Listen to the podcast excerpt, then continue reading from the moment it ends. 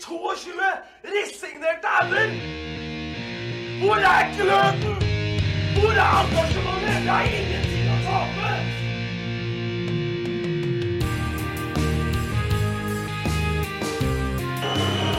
Ja, forlenges tid på Martin Ramsland. Skal du sette etter? Og så gjør han det! Martin Ramsland! Har du sett? Han kommer til å bli større enn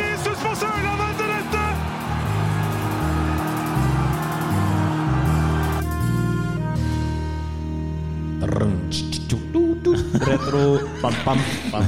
Retro. Retro. Vi kjører en gang til, Tom. Ja, retro, bla, bla, bla, bla, retro. Ja. Ja.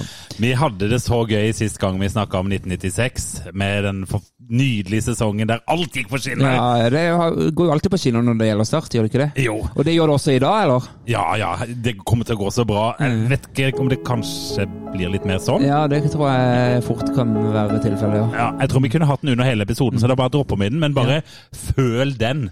Eh, den har en sånn blåfarge på min miksepult, og det er jo litt sånn blå sesong på en måte. Så er det jo sikkert noen som blir skuffet at vi nok en gang skal velge en sesong hvor alt går eh, TH, på en måte. Ikke heller mye, men det aldri ser det. Men da bruker vi jo opp alle de dårlige sesongene til å begynne med, så det kommer til å bli en progresjon i programmet. Ja, ja, for det er jo så mye gode sesonger å ta. Ja, mm. det er, det er veldig mye fint på 70- og 80-tallet. Og vi har fått en del innspill etter eh, vår for, forrige retroepisode om ja, ønska sesonger å ta. Eh, og så tenker jeg, vi har vel egentlig bestemt oss for å ta sesonger som vi kan huske litt sjøl. Ja, det er jo litt uh, greit. Ja, for da kan vi komme med noen egne betraktninger og, og tanker om den uh, valgte sesongen, da. Ja, og det krever litt mer å ta de der 80- og 70-tallet, selv om jeg må jo innrømme at det hadde vært deilig å gjøre en om 80 eller 78 en gang. Eh, og i dag tar vi 2003, var det det? 2003. Ja, fy fader. Og det, det, er jo, det er jo som et mareritt for veldig mange Start-supportere. Og med oss til å gå gjennom 2003 er jo vår, eller jeg har valgt å kalle han min Erik Niva. Ja, det vil han ikke være med på. Nei, men det er jo statistiker og Start-supporter Kristian Sørensen. Velkommen. Tusen takk. Det er gøy. Det er ikke så lenge siden du var med. Da var det statistikk om årets sesong. Nå skal vi også ha litt statistikk og dine tanker om 2003-sesongen. Og bare si det, Kristian. Jeg ble vel kjent med deg år i forveien. Eh, Vi er like gamle. eh, I militæret i 2002. Um, Hvor, hvor i verden var du i 2003? Jeg var i, eh, i Kristiansand. Jeg var, jeg var vel i halve sesongen. Ja. Etter vi var ferdig i militæret sommeren eh, 02, Mm. så ble jeg igjen i Kristiansand i ett år for å forbedre noen karakterer og gjøre det som måtte til for å eh, komme meg inn på, på NHH eh, året etter det igjen. da. Så denne sommeren der, 03, så flytta jeg til Bergen. Riktig. Men fram til du flytta, da fikk du gått en del på stadion? Ja, eh, jeg tror jeg har fortrengt en del av det. Men, ja. men eh, ja da, vi var, vi var nok noe, noe på stadion her Ja, også, som, Men hva- som vanlig. Men hva med deg, Tom? Hva gjorde du da du bodde i Kristiansand og kosa deg? Og... jeg lurer på Akkurat på den tida der så bodde jeg faktisk i Vennesla. Men jeg bodde nå ja da, men jeg bodde nå i hvert fall Jeg gikk jo på det som var av kamper, selvfølgelig. Eh, på bursdagen min det året, bare for å ha det sagt. Eh, bursdagen min i 2003, da fulgte jeg 21 år. Og da ble jeg feira med 0-3-tap i Mandal i cupen. Ja, det, så, det kommer eh, vi tilbake til. Så det er protokollført. Takk skal dere ha. Og jeg var jo det er jo da ett år yngre enn dere, så første halvdel av sesongen da var jeg stua bort på en kaserne i Indre Troms i Nord-Norge, i militæret. Så jeg eh, kan jo si heldigvis gikk jeg glipp av litt av sesongen. Og jeg gikk jo glipp av halve sesongen i forveien nå. Siste halvdelen der. Og som vanlig så har jeg lyst til å sette tonen med å ta oss eh, Gi litt kontekst og litt forhistorie. Mhm. For den høsten før, det eh, var jo et makkverk uten sidestykke. Jeg var jo heldigvis ikke på stadion. Det var jo sikkert eh, dere Ja litt eh, innimellom. Det var Gudjon Tordarsson som hadde tatt over som starttrener. Henta inn Arnold Svellensattel og alt mulig rask av sånne B-pornoskuespillere de kunne finne. har ikke du noe stett Svellen-sattel, Kristian? Jo, ja, sett, vi fant uh, Alt om fotball sine spiller, spillervurderinger. Altså, Svennesalt spilte fem kamper, starta tre, hadde to innhopp. Null mål. Uh, null mål på han, ett mål på start totalt på de fem kampene. Og 18 mål. 13 baklengsmål. Og det, det kan jo ikke han ha skyld i. Nei, det er, Men- men allikevel, skal ikke få alene, men det det, helt det er utrolig. jo en 2,33 som snittbørskarakter. Faen, Ja, hvis vi noen gang skal kåre tidenes startflopp, så må jo han komme. Ja, han er- kommer ganske må jo høyt, ja. komme høyt på lista. Men, Eh, men ja, for det, det du sier 2002 eh, som bakteppe her, det var, det, det var jo nedtur den høsten her. Det var jo lenge den dårligste sesongen noe lag hadde gjort i Eliteserien. Helt Mm. til Sandefjord vel eh, de- fikk en ny bunnotering for noen få sesonger Ja, og så har vel starta òg nesten tangert den der eh, her en 2016-sesong uten seier. Og, Ja, men selv da fikk de en del poeng flere, selv om de Ikke vant før det var eh, jeg håper å si, nesten rim i gress ut på Ja. høstene. Eh, så alt gikk jo lukt til helvete den høsten. Fredrik Strømstad ble lånt ut til Bærum, det var nesten så han ble solgt. Den eh, salige Bjørn Maier skrev leserinnlegg i Fevennen, og det kan ikke selge Fredrik! um, Terje Leonardsen pusta med ræva. Terje Leonardsen pusta med ræva, ifølge Gudjon. Eh, og da, når du da kommer etter sesongen, så blir det da klart at Gudjon skal ut. Starts hovedtrener skal være Bård Wiggen. Men hva får Bård Wiggen å jobbe med? Jo, han får jo selvfølgelig eh, god startånd. Masse skriverier om økonomien. Det er altså Denne gang òg. Det var jo greia før 96, eh, vi var innom sist. Ja, altså det er side opp og side ned i Feven om økonomien. Eh, og det er liksom, Start er kjempetrøbbel. Eh, og de reddes liksom litt sånn inn av en investor som kommer inn med 2,5 million. Det er litt sånn investor Laug, virka det som, for det var liksom nevnt et par navn, pluss 23 andre eller et eller annet sånt noe. Og da sier daværende eh, administrerende direktør i Start Toppfotball Ja, som, som det hadde blitt. Ja, ja, ja. Mm. Start Toppfotball. Eh, da var jo, må vi huske, Erik Soler og eh, Ernst Ravnås. Ernst Ravnås inne, og da sier eh, Mr. Ingebrigtsen vi må foreta en formidabel kostnadsreduksjon til neste år, og vi må sy sammen et budsjett som må gå i tilnærmet i balanse.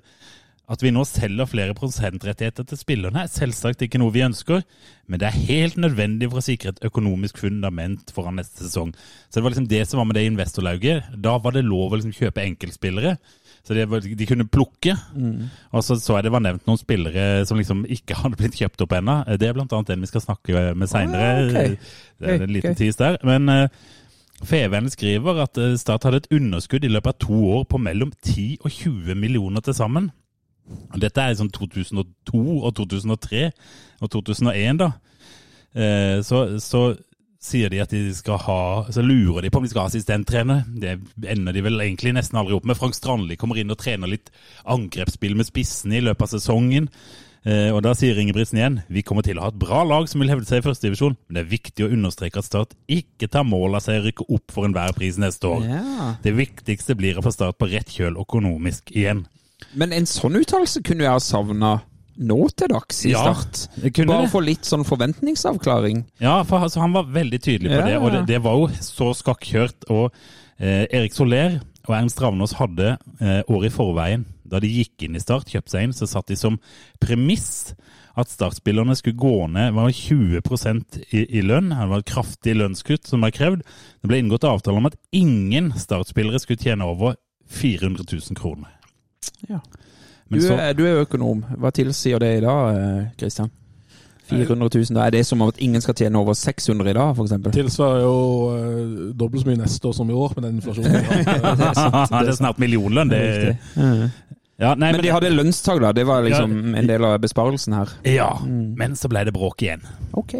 Eh, For én ting er det, den økonomien her, men det viser seg at Start hadde jo inngått noen avtaler med noen sånne spillersigneringsbonuser, eller noe sånt, som da Erik Soler og Arent Ravnås mente ikke hadde noen ting med lønna å gjøre.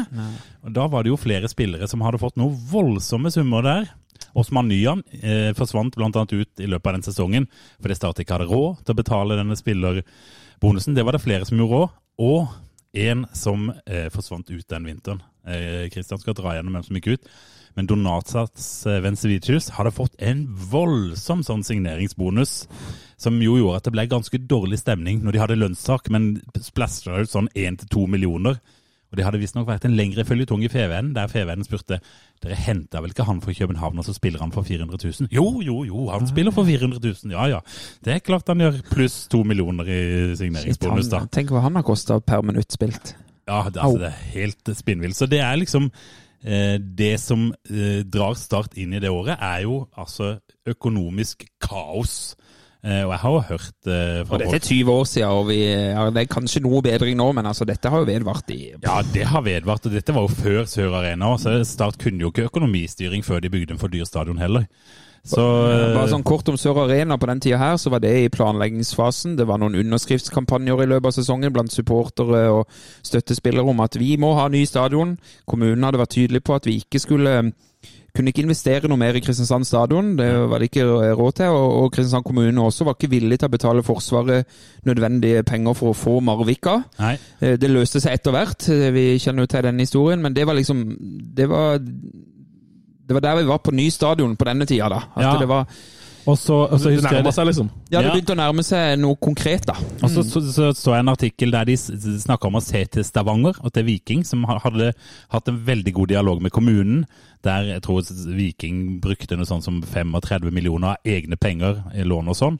Mens alt annet var liksom sånn støtte fra ditten og datten og kommunen og gratis tomt og alt mulig. Så det, det var sikkert det Erik Soler da han tenkte på da han sa se til Stavanger. Eh, men det ble vel litt dyrere for start. Det gjorde nok det. Men, mm. men her var det Kristiansand stadion på, i 2003 var knapt nok eh, godkjent fra NFF. Så mye mangler var det på både sikkerhet og ja, ja, anlegg, fasiliteter, rett og slett. Ja, og det var, jeg husker ikke om, det var, om de hadde rukket å mure opp på nytt på den gamle ståtribunen. For den var jo spørsmål, det- De drev vel og mura Mm. der på et eller annet tidspunkt. Og jeg tror ikke de hadde gjort det til 2003, for jeg husker den som en sesong. Det kan jo være innbilt med dårlige tribuner og Ja. ja, ditto lag. Nå, og bare sånn, Vi kan jo bare avklare det med en gang. Dette året, i 2003, så sto jo uh, Tigerberg på den tida de sto på var det felt G.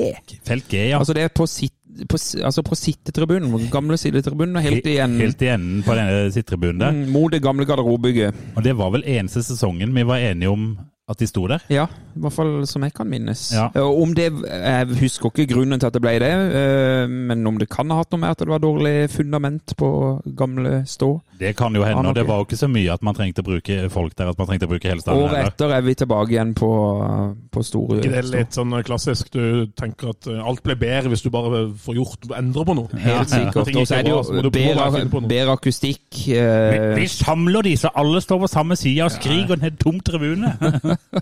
Jeg sto, jeg sto under treet på Ja, du sto det Ja, for der, du står der ennå, du. Ja, jeg skulle, jeg skulle gjerne gjort, men det var, det var stort sett sånn rundt der vi, eh, vi holdt oss. Jeg har aldri vært med i Tigerberget, men, Nei, men på den tida der, ja. alltid Mm. vært på, rundt, rundt treet. På, Det var der alle samla seg når det begynte å dryppe litt. Ja, ja, altså- så det folk løp opp til treet. Så vet du liksom, du, var jo omtrent før mobiltelefonen, ikke sant? så du visste at hvis du bare gikk der, så traff du de Ja, du kjente. Mm. tenkte ikke å avtale det Nei, her. det, det, jeg bare si en, en anekdote, da, men det finnes jo et utfattelig vakkert bilde fra 2005-sesongen hvor du ser det treet i bakgrunnen, og du ser jo folk er jo oppe på tredje-fjerde nivå på greinene der, og det Ja, er det er masse folk oppover i treet. Oi, oi, oi, så nydelig det. Litt sånn Så damp og frost. Ja, sånn ja, ja, men kampen var jo et, ja. Ja, det er en annen sak. Men ok. Men um, eh, så har vi jo snakka om alle disse Bård Wiggen spillerne kommer, hva? Ja, Bård Wiggen kommer inn, og, og han kommer bare Jeg tror bare de tar den første og beste, omtrent. altså. Fordi at han, Billigste, tror jeg. ja, for han, han var der, og de hadde jo kvitta seg med Jan Halvor til sommeren. Gudjon Tordasson hadde henta inn fra Island. Det skulle liksom funke. Det var ungt Men var Bård. Wiggen i start i Ja, utgangspunktet der? det var det han var, nemlig. Som Han var vel assistenten til Gudjon på den eh, det, høsten, jeg tror tror For før det var han Ålesund-trener eller noe sånt? Ja, han var vel med, med Jan Halvor eh, på høsten der. Nei, på Ja, det var nå, ja, ja, ja, så, så, så hadde han hatt noe sånn, jobba med spillerutvikling og sånn mest, Mm. og så ble han hovedtrener i Start da utover. Og, da fikk han jo en jobb å gjøre med null økonomi, eh, og spillere inn og ut og i det hele tatt. Eh, så hvis Ja, Christian, har du litt på spillere inn og ut, eller eh, før den sesongen? Ja, jeg, kan, jeg har i hvert fall de som Uh, spilte i 02 og ikke, ikke gjorde det igjen i 03. Ja, ja. uh, og så er det som, uh, som Jimse var innom i stad, at det skjer jo litt sånn i løpet av sesongen òg, Ja. den 02-sesongen. Så det er ganske mange som har en, en halv sesong i 02, og så Ja. ser vi de aldri igjen. Enten Nei, første eller siste. Du var jo innom Åsmann Nyan her, blant Ja, annet. mm. Uh, men vi, vi starta jo, da hadde vi han uh, Dime i mål, husker du? Ja, ja, ja. Som hadde jo noen fantastiske kamper, og så gikk det litt nedover. Ja. Rødt kort mot Vålerenga, og- men han forsvant, dro tilbake til Sverige. Men kan jeg bare få skyte inn med han der, for han har nemlig sett litt info om her. For der, der hadde de jo en føljetong i FVN om han. Fordi at han var jo godt betalt, selvfølgelig, og det var ingen som helt forsto at han aldri kom inn på laget igjen etter at han hadde hatt den utvisninga. Da satte de inn Rune Nilsen eh, i mål. Og da hadde altså eh, den vinteren så fikk Rune Nilsen beskjed om at han var førstekeeper. Det var klar beskjed fra Bård Wiggen. Dime Jankulovskij han var en del av en trio, en uønska trio, Ja. som ingen ville ha. Det var Dime Jankulovskij, Kimmo Tauriainen og Donasas Venezevicius, som hadde ja, var godt betalt hele gjengen. De fikk beskjed om at de Men de måtte hadde egentlig kontrakter i ja, ja. 2003? Ja. Men de fikk beskjed om at dere må gå ned i lønn eller fuck off. ja. Eh, og så skri skriver da Svein Enersen i en kommentar om denne keeperplassen. Eh, det er før Dime da forlater tilbake til Sverige. Nilsen er en utmerket keeper, men alle med et lite fnugg av fotballforståelse skjønner lite av starttrenerens bastante holdning. Og så skriver han rett ut at Start prøver å fryse Dime Jankulovskij ut av klubben. Fortsett på lista di da, Kristian. Hva andre er det? Ja, vi har vært innom eh, Donatas, uh, Vencevicius, Kimmo Tauriainen, uh, Osman Nyan. Uh, forsvant Valdo. Ja. Og oh, han eh, forsvant! ja! Kjente kjære- kulthelt! Absolutt. Altså, Jeg lurer på hvordan det går med Valdo i dag. Sjekka ikke du opp det? for eksempel? Jo, stemmer! Han Men var kan i vi ikke heller bare ringe han? Ja, ja. Men han dro til Sverige, tror jeg. Ble der. Og så har vi Morten Larsen oppe på lån, som de Å ja, da- så han. Han var så rask at du så han jo ikke. Ja. Gud, Gudny Runar Helgason var på lån og forsvant tilbake til Island. Eh, Ricardas Benuisis var der en halv sesong og forsvant. Men han skåret jo. Ja, en gang. ja, det var mot Rosenborg. Morten Knutsen var på et lån som ikke ble forlenga. Han var sikkert skada. Preben Gundersen forsvant. eh, Ja. Gikk til Vindbjart, tror jeg. Ja, han trappa vel ned litt der. Hmm. Så eh, ja, William Aligo var vel kanskje fortsatt med. Han hadde én kamp i 02 og Ja, ingen i han 03, var men med, han ja. var vel på Mm. lagbildet der, i hvert fall. Ja. Eh, Så um, Der tror jeg de tok med alle som var i nærheten for å få fylt opp, for å være helt Ja, for. De fant vel ut at det var jo veldig mange jevngamle typer med oss Ja. på den tida her. Altså sånn 1920-21 uh, unggutter. Det er ikke, ikke for å være slemme med dem, men du mist, Jeg følte det var den 02-sesongen kanskje mer enn 03, men du mista liksom litt av den der magien med å være startspiller, eller Ja, se, nå se opp til de som spiller på start. når, eh, og sånn. Når halvparten av halvparten av idrettslinja på Gimle skole plutselig dukker opp på, på banen. Og nå er det sånn at vi kan være eh, foreldre til halvparten av de som spiller, men Han kan faktisk det. Det, er bare, det er ikke lenge til du kan være besteforeldre til det hele, Tom, så unge som de har begynt å bli. Um, var det andre som forsvant? Nei, det var vel eh, de, tror jeg, som Ja. forsvant, og så er det selvfølgelig en del uh, som kom inn. Ja. Skyt. Uh, vi har blant annet Aspen Asbjørn Rike. Ah, løpsmaskinen løpsmaskin fra Mm. Fredrik Strømstad er på, kom tilbake fra, fra det famøse lånet i, i Bærum. Og var vel i Starts eie hele veien her, Ja, uansett. det var- Men ja. Ja, Mm. men det var snakk om salg. ja, det er helt utrolig. Peder, eh, Peder Vinsnes. eh, Ah, okay, okay. gøy. Eh, noen flere unggutter igjen. Vi trenger ikke å gå innom alle. Vi kan se de vi kommer tilbake til. Og så er det jo henta vi et spiss på, rett og slett. Vi henta vel Ben Wright fra Viking? Vi henta Ben Wright fra Viking. Åh, Og, det er Rett i min gate. vi henta endelig eh, Fredrik William Henriksen. Ja, for han hadde skåret en del i Kjelsås han eh, noen år. Kjelsås eh, i to-tre år, tre år mm. tipper jeg kanskje, etter at han forlot Start. og vært sånn jeg tror det var sånn Hvert år så skriker de lokale om at vi må vente tilbake han. Han leverer Kjelsås var oppe i førstedivisjon. Ja, ja, ja. De var kjent for sånn der eh, Drillofotball. Ekstrem Mm. drillofotball med han Mathisen. Ja, Stig Mathisen. Yes, Ja, nemlig. Og Fredrik Wilhelm uh, sterk på hodet. Så han var liksom en- datidens eh, Joakim Holtan og sånn, som vi har skrevet etter. Ja, litt, eh, sånn, da. Som han leverte ja. i andre klubber. Og Mhm. nå må vi få hjem han. han hører Sørlending og- ja, ja. Han, og han debuterte jo i blått hår han fra start på 90-tallet. Nemlig. Han gjorde det. Og er broren til eh, Espen Akstad Ja, Start. Ja. vår kjære nestleder i styret, ja. Mm. Og det var de, Det var de eh, navnkunnige som var, som verdt å ta med. Mm. Men, men vi hører jo her at eh, det er jo ikke akkurat stjernespillere ut og stjernespillere inn. Det er vel uh, Jeg tror hvis, du, hvis folk vil, så kan de gå inn og se på stallen vi starter 2003 med, og så kan du tenke Så kan du sammenligne kanskje litt opp mot uh, fjorårsutgaven av Start, eller årets utgave av Start.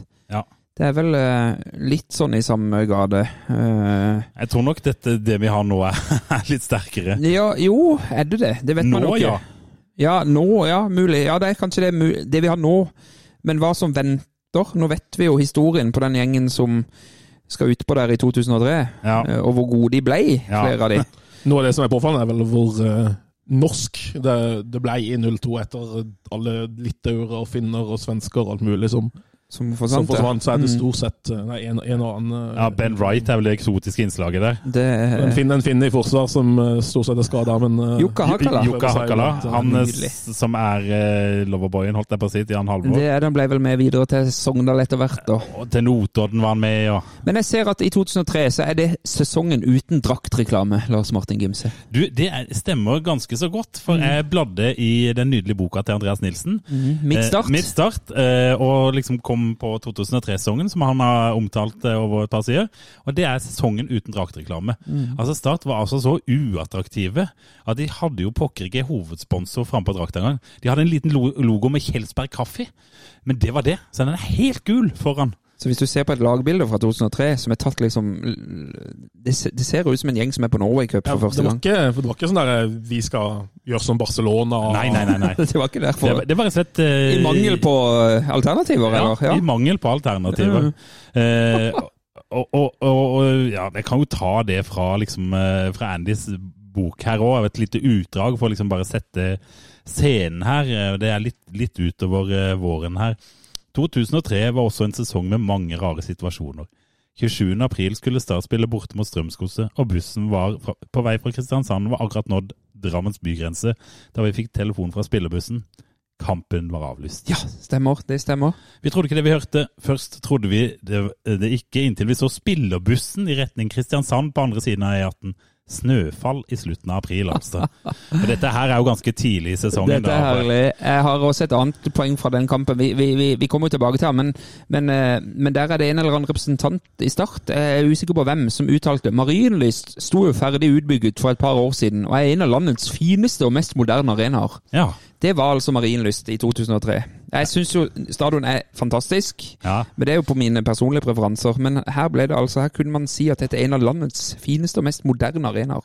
Så det var noe med undervarme og sånn som de var litt eh, Ja, misfornøyd med. og så må vi huske at den voldsomme stadionbyggingsboomen den hadde, ja, den hadde jo Viking var egentlig helt i førersetet Mm. for det.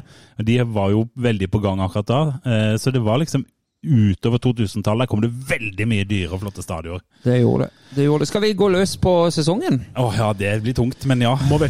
ja. Ja, må vi. Vi må vel nesten det når vi har valgt å bi oss ut på dette. Vi, vi, vi serieåpner jo da, gutter, 13. april borte mot Mandalskameratene i Parken. Og da kan vi jo huske det at Start for første gang hadde møtt MK i 2001.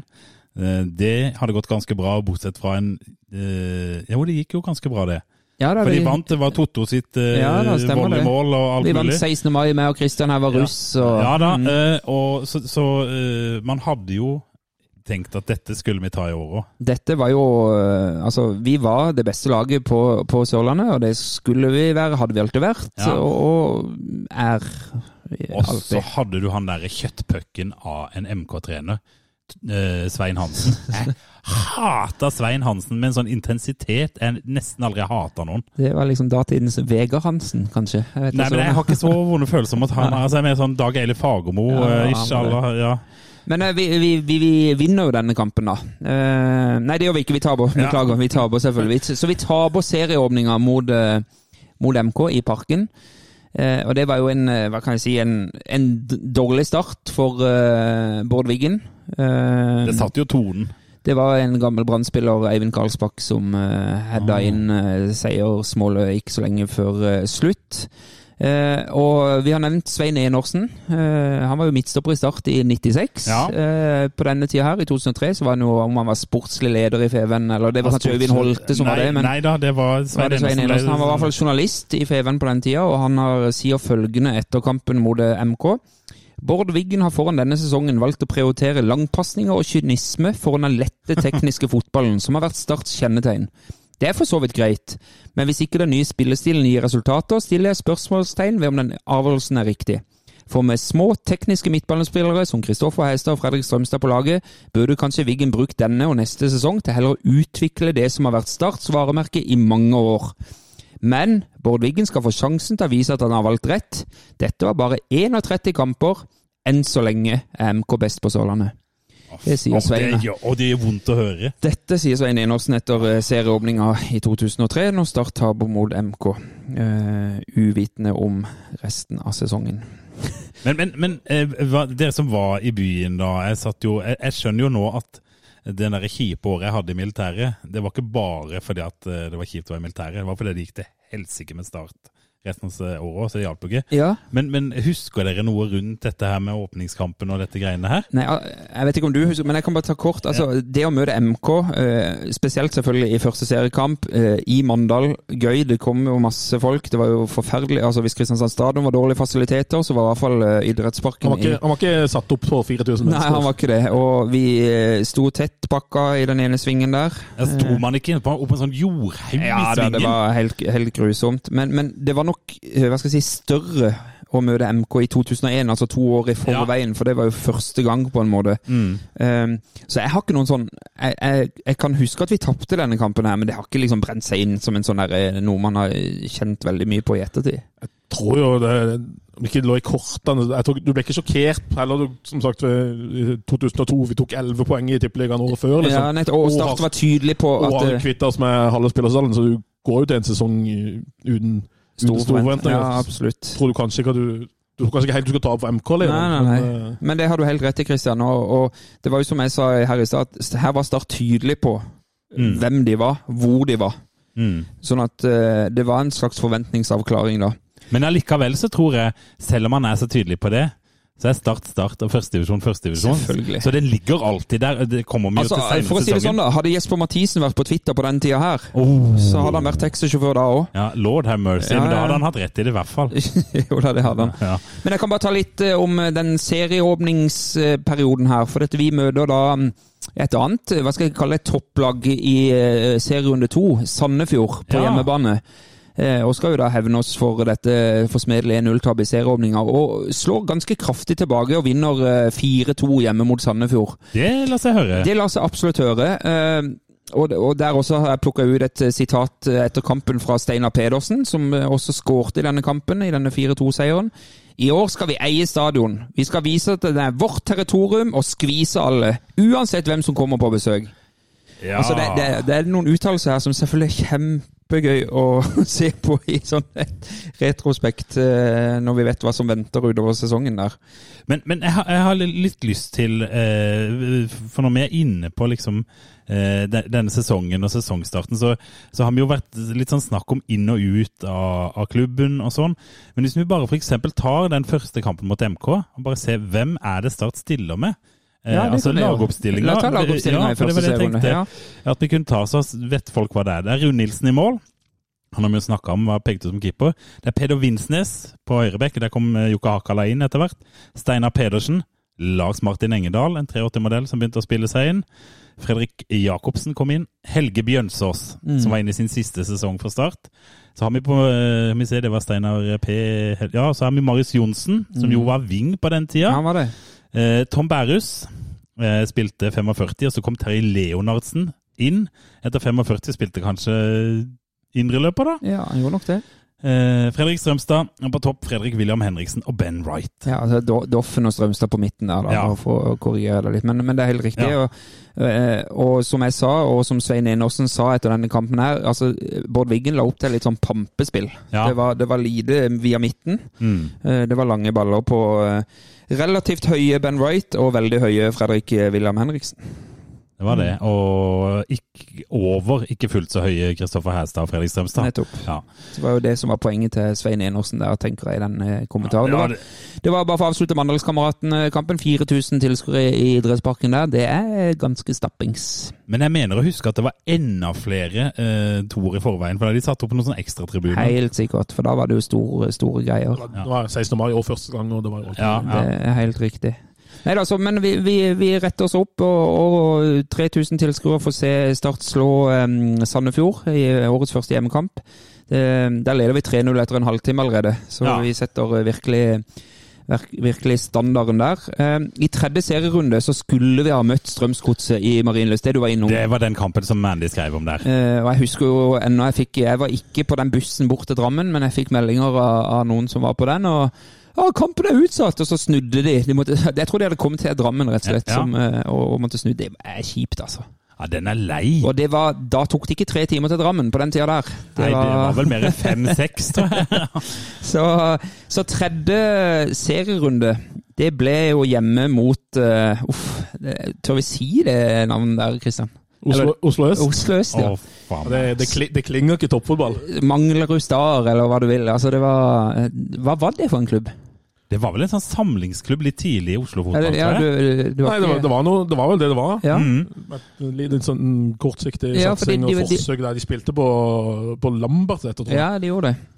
Og trakk 200 tilskuere, eller hva de gjorde. Så det var jo noe som aldri, som aldri ble noe. Nei, det er akkurat det. Og det var, vi vant den kampen 15-3 i sjanser. Ja. Eh, Den er jo grei. Ja. på 1-0. Ja, tapte 1-0 der, ja. Altså, eh, og så var det en 2000 tilskuere, tror jeg, har klart å finne ut fra den kampen her. Og Den, den kampen er helt fortrengt, men nå var jo jeg riktignok i Nord-Norge, men uh... jeg husker, for å være helt ærlig, den, den husker ikke jeg ikke Du var ikke på den du heller, Chris? Det vil jeg tro, men jeg, jeg kan ikke si det. Nei, det er noe som brenner seg fast. Nei. Eh, Den andre kampen er jo mye mer spektakulær. Det var, altså, Oslo Øst, Ja, i bortekampen. Den kommer vi tilbake til etter hvert. til. Den, den er vanskelig å glemme. Mm. Ja, dæven. Men, men hvordan, er, det, er det den tralten det går i utover våren, Tom? Uh, ja, altså Det som skjer, er jo at uh, Marius Johnsen, uh, fra sin hva skal vi kalle det, wingback-posisjon, får jo i gang Hva skal jeg si målene sine, Ja. sånn som vi kjenner han.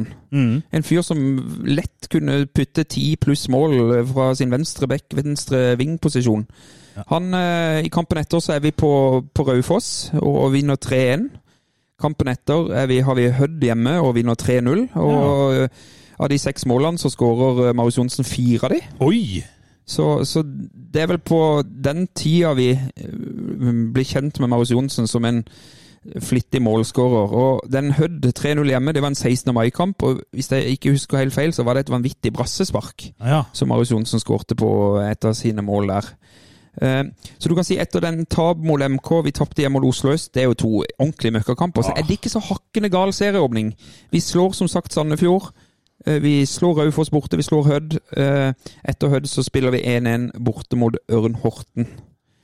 ja, det er litt sånn buljongkamp. altså. Jo da, det er det med Ørn Horten på den tida der kan sikkert sammenlignes med hva skal jeg si, Åsane i dag, eller et eller annet Ja, altså, det nivåmessig. var litt nede fra det, tror jeg. Jeg tror det er mer sånn på mm, For jeg tror kanskje de rykka ned til slutt. Så Ja, det var de sånn bunn, Ja, okay. ja, et ordentlig bunnlag. Kanskje over opps... Ja, snakker nå de litt tror, mye opp. nå tror jeg du snakka de opp, ja. Øren på, på Lyslund, den husker jeg det var en 1-1-kamp. Der var jeg. eh, 25. mai der. Eh, Så etter eh, seks seriekamper så ligger vi på en sånn femte-fjerdeplass. Har du noe på det, Kristian? Jeg har ikke status, men vi har jo syv seriekamper til nå. Vi har, ja, vi har vi har- tre, tre seier og to uavgjorte og to Ja, tap. Så ja. det, jeg tror det var nok, om det var da eller eh, kamp før eller kamp etter, det var nok til at det ble skrevet på ikke-start.no at nå venter to toppkamper. Nå gleder, nå gleder man seg, for de to neste hjemmekampene er Fredrikstad og HamKam, som Ja. jo endte med å rykke opp den, eh, den sesongen. Jeg skal ikke spoile at Start ikke gjorde det. Eh, men det var de to neste hjemmekampene. Ja, var det Ham, HamKam som vant eh, Ja, de kom over, ser jeg. Så nå ble det liksom bygd opp til at nå starter litt på gang. Vi har fire, fire uten, uten å tape, og nå skal vi møte to topplag. Så det her, nå blir det gøy, liksom. Nå, nå skal vi Og Fredrikstad på den tida her hadde jo da ennå ikke smakt på tippeligafotball. Sist de var oppe, var på 80-tallet. Så, Ja. så den sesongen her var jo da vi på alvor ble kjent med, med Fredrikstad. Ja, for de var jo nyopprykka til førstedivisjon det året òg. Og der hadde de jo Markus Ringberg, annet. Som nå er i Ekspress og roter rundt, faktisk. Roger Risholt var der. Ja, Det var vel Knut Torbjørn Eggen var sikkert trener på den tida her, Ja. om ikke tar feil. For Roger Risholt han dro jo nemlig til Fredrikstad etter at han hadde blitt skvist ut av Start morgenen etter at han hadde sendt Start opp til den famøse tippeligasongen i 2002. 2002. Eh, så der var han. Han var sikkert gira på å Hvordan gikk det i de kampene hjemme mot Fredrikstad HamKam? Nå, nå har jo Start bydd opp til fest og invitert til toppkamp. Ja, da og går. Da går det som det går. Og Marius Johnsen har begynt å skåre masse mål. Og... Det var 0-1-0-1, det. Nei, fy faen, altså. To tap på eh, et par dager der, hjemme mot Fredrikstad og HamKam. Eh, vi beveger oss da så smått inn mot eh, juli måned, ifølge Nei. Nei. det gjør vi ikke. Vi har vel en Moss hjemme? Kan det stemme? Ja, Vi hadde tre, hjemmekamper på rad der. Det Ja, har vi faktisk. ja, men- det, den uh, Ja, fortell, Gims. Nei, fordi at uh, her kan vi jo uh, sveipe innom en cupkamp. Ja, For det er gøy. dessverre det vi kommer til. Cupkamp. Det, Ja, ja, det, det- var jo den cupkampen jeg nevnte på bursdagen min. Ja, Ja, det var på 25. juni, da Tom ble 21 år, like før jeg ble 20. eh, så har Start selvfølgelig truff, trukket MK i cupen. Ja, ble vel satt opp mot MK. Eh, Ja, tredje runde? Ja, kanskje. Ja, ja. Hvordan, kan du ikke bare si hvordan i de to første rundene i cupen det året der? Ja, men nå har jeg ikke akkurat det. Nå så spiller vi dårlig. Vi, uh, vi spilte mot eh, Fløy i første runde, og slo, slo de 2-1. Og så vant vi mot eh, Klepp, var det det? Så vant vi 4-2 mot Klepp. To mål av Kjetil Bø. Ja, Ja, det var den ene uka han var frisk det året, tror jeg. Ja, ja. Men eh, ja, så kommer vi til MK. Vi har uh, tre seriekamper før MK etter HamKam-kampen, men eh, vi, kan, vi kan ta Ja, det. ja, nei, men hvis dere vil ta de seriekampene først, hvis det var noe å bite seg merke i. Altså, det, når, når vi går gjennom cup-resultater i disse retroepisodene våre, så er det ganske grei og kort skuring. ja, det, det, det, tar ikke det. så Det god ble, plass. det ble ikke Ullevål denne gangen. Nei, det ble ikke Ullevål da heller. Nei, for det, det som jo er eh, med denne kampen, er at da skal jo Start slå tilbake etter den forsmedelige tapet eh, innledningsvis i sesongen. Mm. Eh, og og dette her var, hvis jeg sa hjemmebane, så er det feil. Det var bortebane. Eh, 25. juni eh, spiller de mot MK, og de tapper 3-0. Ja. Ja. Eh, Jeg bare sier det, Inni her så skulle vi ha møtt Hønefoss borte. Ja. Det var nok en kamp som ble utsatt dette året her. Og det var, sånn som jeg i hvert fall har klart å undersøke, så var det fordi vi hadde for mange spillere på U21-landslaget. Ja, men det kan jo stemme. Uh, jeg fant ut at det var Lars Martin Engedal og Kristoffer Nei, og Marius Johnsen.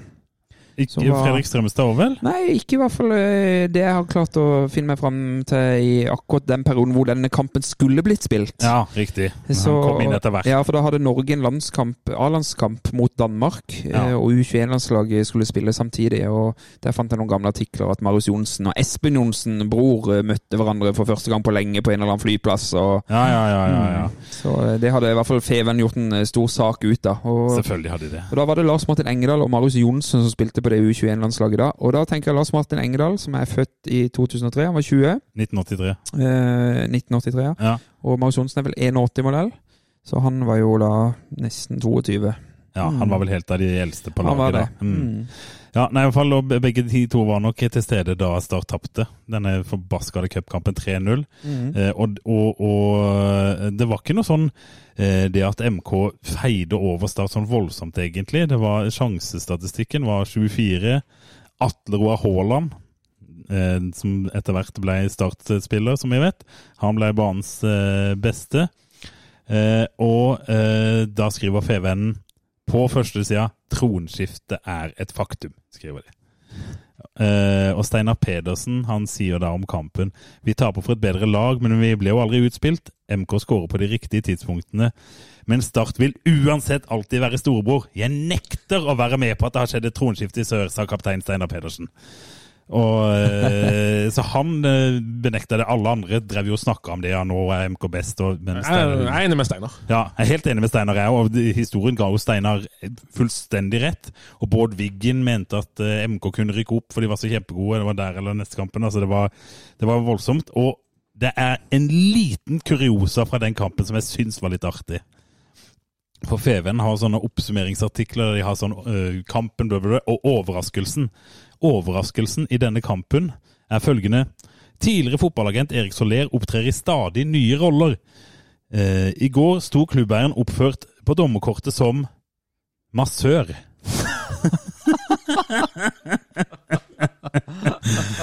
så, så Erik Soler han var massør han i denne MK-kampen. Og det har jeg lyst det, det der må vi finne ut av, om han faktisk var.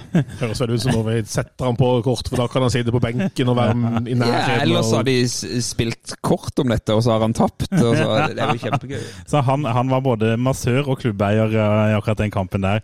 Men Så det gikk jo ordentlig på rattata i den kampen, og ut av cup med start. Det visste vi jo at de skulle uansett, men Ja det var litt kjipt at det var mot MK, da. Og på børsen min. Eh, og så kommer det to kamper som er litt sånn, ja, litt sånn positive oppturer da, etter den der eh, kampen. Start drar til eh, den lengste borteturen de har, til Alta. eh, For å prøve å hente poeng. Ja. Det gjør de fire minutter på overtid når Lars Martin Og det er da han skårer det der, ja. Ja, det Stemmer det. nydelige det, Men var ikke det i Finnmarkshallen? Jo, jeg mener det var Mhm. det, skjønner du. Eh, Lars Martin Engdahl, i hvert fall fire minutter på overtid, skaffer tre poeng ned der. Da tar de med seg den gode føl følelsen den var, videre. den var viktig. Ja, den var kjempeviktig. Ta, ta den, for det Alta er jo det laget Start har møtt flest ganger, Oi! og har en 100 uh, seiersrekke mot. Hvis jeg forstår deg riktig nå, det er ikke det laget de har møtt flest ganger, men det Møtt flest ganger, og har bare vunnet bare mot. vunnet mot, ja. Så vi har møtt Alta seks ganger i seriesammenheng, og vunnet alle seks gangene. Så vi i hvert fall møtte møtt de en gang i cupen, vi, har møtt vi syv, har møtt de syv ganger med den cupkampen, Mm. og har slått dem hver eneste gang. Så vi må gjerne spille mot uh, Can we play you every week, Ja, sier jeg bare. bare. Bare flytte til Finnmark hele ja, det slår litt, Vi har jo den der, uh, vi har et inntrykk at Start ikke trives, i hvert fall i Tromsø og kanskje i Bodø, men uh, i Finnmark, der, der trives de. Men, men jeg mener jo å huske at det var kanskje ikke Alta Start uh, spilte mot når de vant det opprykket i 2001. Var det kanskje Tromsdalen, det? Når. Roger Ristholt skåret? eller Nei, det var Alta, det? Byåsen. Ja, Byåsen var det. Byåsen Ja, det var langt litt lenger nord, nord. sånn. Nord, nord, nord, nord. Nord, nord er det vel. Ja, så, så disse to kampene her, det var jo hjemmeseier mot Bærum på 4-1 her òg, da, som eh, Da har Ben Wright eh, våkna. Han skårte to mål mot Moss eh, noen uker i forveien, og skåret også to her mot Bærum.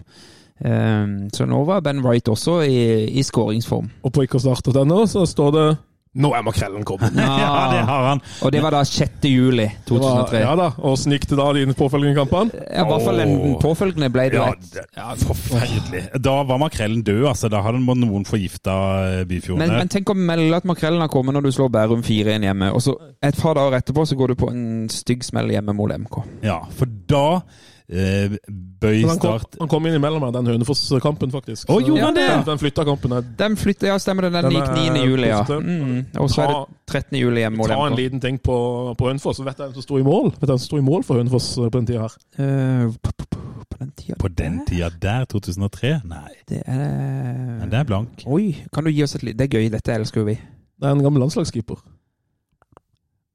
Morten Bakke sto på Raufoss. Ja. eh, Du, nei hun- Gammel landslagskeeper. Hvilke land Han har 50 landskamper for Norge. Ja, Og Frode Grodås. Ja, ja. Frode.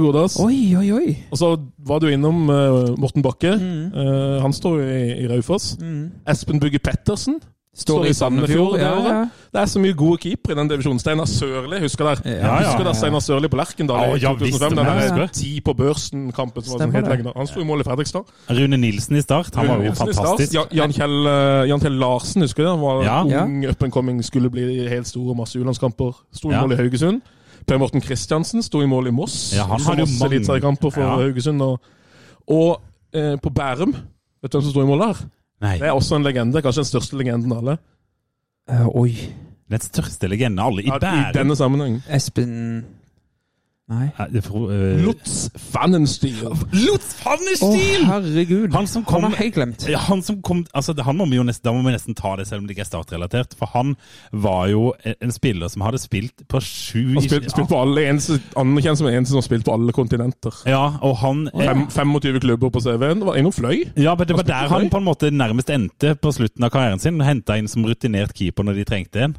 Så, og så var, var ikke det noe Lillestrøm et eller annet Nei, det var kanskje en annen enn det.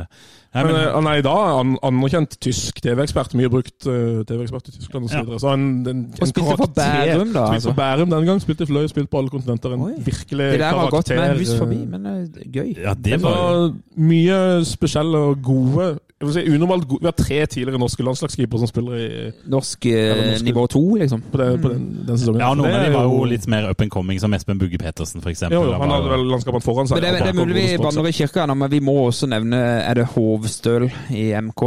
Han ble jo også en, eh, en kultfigur i, på denne tida for MK. ja, han sto Bare- veldig godt for MK Lasse sesongen. Målskred sto i Hødd. Jeg tror det var en Ja, unormalt god keepersesong i førstedivisjon 2003. Ja, Det høres jo ut som det er mange som har mye eliteseriekamper her etter hvert. Det er det. det er det. Så etter den utsatte kampen mot Hønefoss, i hvert fall, så kommer denne i endelig kommer hjemmekampen mot MK. Nå skal liksom alt rettes opp igjen. Jeg husker det var jo en massiv oppbygning. Man hadde den grønne horde som skulle komme. Og da hadde jo jeg kommet tilbake fra militæret, så jeg skulle jo på denne kampen, selvfølgelig. Gleda meg masse, masse, masse. Tre, altså bare si det er to kamper mot MK den sommeren der. Ja. Og så taper vi, ja. Det er i løpet av tre to, uker. begge to taper vi 3-0. Ja, og 3-0 hjemme. Altså Den forrige 3-0-tapet eh, eh, altså på bortebane i cupen, det blir jo beskrevet som at MK er litt sånn effektive og ikke så mye sjanser og sånn. Denne kampen, Start blir slakta. Fullstendig ydmyka på stadion. MK er 13 poeng foran Start på tabellen. Eh, Henrik Nyhus, som jo hadde en fortid i Start, han herja jo fullstendig med Start og, og skåra. Og eh, om noen, altså står det i FVN, om noen ennå ikke skulle ha fått det med seg, kampen om Sørlandet er avblåst. På tre kamper har MK kledd den gule drakten fullstendig av startspillerne. De har revet dem i stykker og la- latterliggjort storebror i gåstegn så til de grader. Så det er altså full slakt. Og Svein Enersen som sa etter første serierunde enn så lenge er MK best på Sørlandet. ja, Vet du hva, nå Nå trenger vi en jingle, eh, Lars Martin eh, Gimse. Hiver du på en jingle? Jeg hiver på en jingle.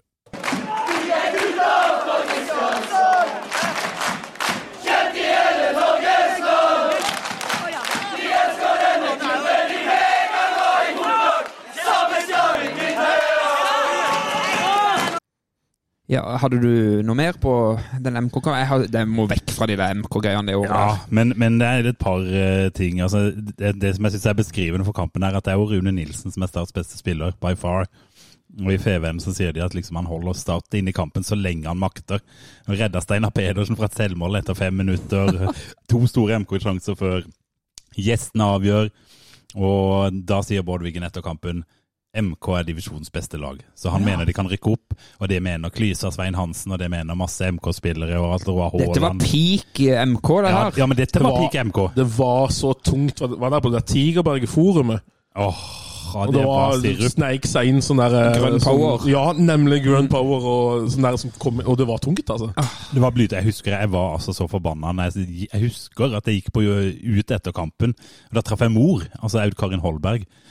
Og Hun var litt sånn Jeg må være positiv, og da tror jeg mulig jeg banna til mor da. altså. For jeg var altså så forbanna. Men da hadde vi heldigvis sommerferie. Så da, glad, jeg, jeg vil bare si det, Gims, jeg egentlig glad jeg ikke kjente deg så godt på den tida her. Nei, jeg tror er- du eh, var ganske mannevond i Jeg var ganske mannevond der, så jeg tror det var godt at jeg fikk, eh, fikk eh, tre uker etter dette her. Vi sikkert jobba sikkert litt og marinerte meg sikkert litt i øl der på sommeren og i det hele tatt. Litt kalde CB nedi med teen i tanga og sånn. Men det som, bare si det, det som skjer nå Nå bikker vi fra juli over i august. Ja, Jeg- tre ukers pause her. Ja, for det er en liten sommerferie. Og så Ja. er vi tilbake igjen. Første kamp etter ferien er 3. august. Ja, nei, ja, det er vel tredje, ja. Ja, no, ja i hvert fall eh, femte, neste, ja. neste kamp er i hvert fall eh, i, i august. Og august 2003, Ja. folkens, det er etter en av de rareste månedene i, min, i, min start, i mitt startliv. ja. Og, og siden vi da vi begynner på begynnelsen, for der eh, har jeg nemlig for kun kort tid siden vært på stadion, sett Start bli slakta fullstendig av MK. Hva bestemmer jeg meg for å gjøre? Jo, dra på min første bortebusstur til Sandefjord. Oh, ja. Så hjerneskada er man som Start-fan. At man, man går og ser Start bli slakta av MK, så tenker man jeg vil ha mer av dette her. ja. Du har ikke blitt noe bedre med årene. Jeg har jo ikke det, vet du. Det blir jo verre og verre. Eh, så da drar jeg til Sandefjord. Denne har jeg jo snakka om i et startminne i en regulær episode. Eh, så jeg trenger ikke ta den i det vide og det breie, men eh, det ender i hvert fall opp med at Start vinner 2-1 på Sandefjord storstadion. Stemmer. Fredrik Strømstad skårer like etter pause. Steinar P på straffe, stemmer Steiner det? P på straffe. Eh, og da var Start elendig i første omgang, som de jo hadde vært mot MK. Men de vinner kampen. Så det begynner, og Sandefjord er et godt lag på den tida. Ja, jeg bare nevner Geir Ludvig Fevang, Jørgen Jalland. eh, Jon Midtun Lie. eh, Frode Fredriksen. Frode Fredriksen, Trym Bergman, eh, Magnus Sture, Espen Bugge Pettersen, som vi var innom i stad. Og da var det liksom sånn mye pent. Og treneren i Sandefjord, hva het han da? Han heter Keiko. Keiko, ja. Mm. Så da eh, hadde vi den kampen, og så kommer det jo nok en flott kamp i kampen etterpå. Ja, for det, Sandefjord eh, er jo en storklubb, som vi nevnte denne Mm. sesongen her. Og, og vi slo de da både hjemme og borte. Ja. Eh, og så venter eh, Godset på hjemmebane. Og det er en kamp dette året som har brent seg fast. Ja, For dette, jeg tror på den, altså Det er sjelden jeg har sett Start på Kristiansand stadion maltraktere motstandere noe så til de grader som vi gjorde i den kampen her. Ja. Også så uventa på mange måter. Selv om vi nå hadde kommet tilbake fra ferie og slått Sandefjord borte, så vinner vi 5-0 hjemme mot var det ikke eh, 5-1 da? 5-1 var det kanskje. Ja, ja. 5-1. Eh, og, og, og det var i hvert fall ikke jeg. Jeg så ikke den komme, for, for å si det sånn. Eh, jeg husker spesielt fra den kampen, så husker jeg jo Jeg lurer på om ikke Peder Vinsnes skåret et vanvittig bra mål fra en 20-25 meter. Ja, lurer på det. Og da, som vi nevnte tidligere, så sto jo da Klakken, eller Tigerberget, som jeg var en del av på den tida der, vi sto på felt G. Altså, vi sto i motsatt ende av der eh, Peder Vinsnes hamra inn eh, Lurer på om det var 5-0-målet. Ja. Og så tar jeg et sinnssykt eh, Usain Bolt-løp fra liksom andre sida av liksom eh, banen. Ja! Helt over til oss. Og løper foran der! Løpet er helt konge bortover der. Nå husker jeg det. Jeg husker målet, men jeg husker ikke feiringa. Og dette var jo en spiller, eh, om ikke jeg tar helt feil, som vi henta fra eh, det, Kan det ha vært Rosenborg før den sesongen? Nei, jeg tror det var noe svensk Ja, det andredivisjon Ja, men. Ja. men alle hadde den Rosenborg-linken. Rosenborg, Ja. Eh, og hadde egentlig ganske høye forventninger til han. Og når jeg har sett gjennom en del sånn spillerbørser sånn fra dette året, du også, Gimse, så er det, det er ofte sånn fire. Han gjorde det helt ok. Det var vel Bra innsats, løp mye. Ja, ikke sant, det er vanlig. Jeg tror kanskje Jeg kan minnes at jeg hadde litt forventninger til han. Og så var han litt sånn inn og ut av laget. Og, eller har du noe stats på han det året? Jeg, jeg har ikke en stats, men kan jeg få lov å, å lese det kameraten min skrev da, vi, da jeg sa vi skulle gå gjennom denne sesongen? her? Ja, Ja. Så det var han høyrebekken som var konstant feilplassert. Virra rundt. Ja, eh, Jo, jo, hvis jeg husker riktig. ja. ja. Så, det, han Han ja, spilte mye høyreback, han gjorde det. For, men jeg kan liksom ikke litt, huske litt allsidig spiller, men litt sånn, som sånn innsats og For det var alle, alle, med, alle med trøndersk dialekt på den tida her forventa meg mannen at var Det var jo dritgode. det var jo broren til eh, Fredrik, Til Fredrik som var er en kjempespiller og kanskje en, Ja, og- en stor, sterkt undervurdert rollespiller. Og du så, eh, Vi kunne jo se liksom spillere som forsvant opp til Rosenborg, som ble sittende på benken, som var jo kjempegode eliteseriespillere. For de kjøpte jo alt med et snev av talent. Men Peder han, han var innom eh, Han spilte 22 kamper, eller var innom i 22 kamper. Ja, men han men, spilte men han spilte 90 minutter i fire av dem. Ja. Så det var liksom ja. Det var innbytter inn eller eh, Veldig, eller veldig rar eh, start. Og ett eh, et mål den sesongen, da. Ja, det var dette. Ja, det var dette. Men den kampen der var jo helt eh, nydelig. Da husker jeg, da hadde jeg begynt å få troa på start igjen. Da var jeg på stadion, og alt var nydelig den dagen. Og da går vi jo fra 2-1 mot Sandefjord og 5-1 hjemme mot Strømsgodset. Eh, Ei uke senere så skal vi til Oslo øst. Vi skal nærmere bestemt til Lambertseter stadion. den kampen er altså noe av det rareste. Det er Altså, hvis 5-1 hjemme mot Godset var overbevisende, så var jo i hvert fall neste kamp en helt vanvittig match. Jeg våkner fremdeles av mareritt av en spiller ved navn Eirik Hemminghytt. Hemminghytt, ja! Å, Altså, jeg, jeg, altså etter, etter 60 minutter så leder Oslo øst 5-0. Og Eirik Hemminghytt, om du hører på, det tviler jeg på, men du hadde altså hat trick. Og nesten 20 år seinere så sitter det en gammel, 40 år gammel gubbe og Ja, altså det er et navn som dukker opp når jeg er i den mørkeste Eh, Hvor kom det fra? Altså, dette var et lag som den sommeren der Altså, Oslo øst den sommeren der de henta stort sett alle spillerne sine fra norsk tredjedivisjon. Såpass, ja. Bare for å stable sammen et lag. Og vi ligger altså under 5-0 etter 60 minutter på Lambertseter stadion. Altså noe mørkere enn Er det 17. august 2003? Sånn, hva skal vi si, sånn ti over syv på kvelden, eller eh, kvart over syv på kvelden. Altså Mørkere enn det tror jeg aldri hadde vært. Jeg var til stede på kampen sammen med 345 andre på Lambertseter stadion. Ehm, og på 0 05, med en halvtime igjen, så var det en på tribunen som kunne opplyse om at han skulle gå fra Oslo til Kristiansand om Start fikk poeng her. Oi! Eh, og vi var, vi var jo ikke langt unna Og da heller. vi bytta inn Kjetil Bø, var det ikke sånn? Var han... Vi var ikke langt unna. 5-0 ble til 5-4 18 minutter senere. Ja, det er sykt, altså. Altså, Noen var nervøse av forskjellige grunner det siste kvarteret der. Eh, det var ikke jeg som hadde meldt det. Eh, jeg trenger ikke nevne navn. Eh, de som vet, de vet. Men Hemminghytt og co. de eh, sto han jo av. Ja. Så, så det ble jo 5-4-seier til Oslo øst. Og Start klarte jo da mesterstyrke og liksom tape begge kampene mot Oslo øst dette året her. Og Der kommer eh, motsatt eh, effekten av alt, da. For Oslo øst er det eneste laget som etter Som vi har kan null se, prosent poeng Som vi aldri har tatt poeng mot. Som vi har møtt, men aldri tatt poeng mot. Men vi har bare møtt de to ganger. Ja da, Ja. men vi er fortsatt det eneste. Ja, ja. Men, men gutter, jeg har jo for, forutsatt noen uh, navneskifter og sånn. Ja, altså, for det jeg har kommet fram til her, nemlig, er at denne Hemminghytt han dukka først opp eh, på laget til Oslo øst, som etter hvert ble Manglerud Star Fotball, ifølge fotball.no. Han dukka først opp eh, i, i Oslo øst kampen før den mot Start. Oh, ja. Da debuterte han nemlig for eh, Oslo øst, og da ble det mål da òg, gitt. Han skårte ett mål der og så han hadde fire mål han På på, de to første kampene der. Jeg har noen uh, gøye uttalelser etter denne kampen her. Uh, Bård Wiggen uh, forteller blant annet Spillerne mine har et alvorlig forklaringsproblem.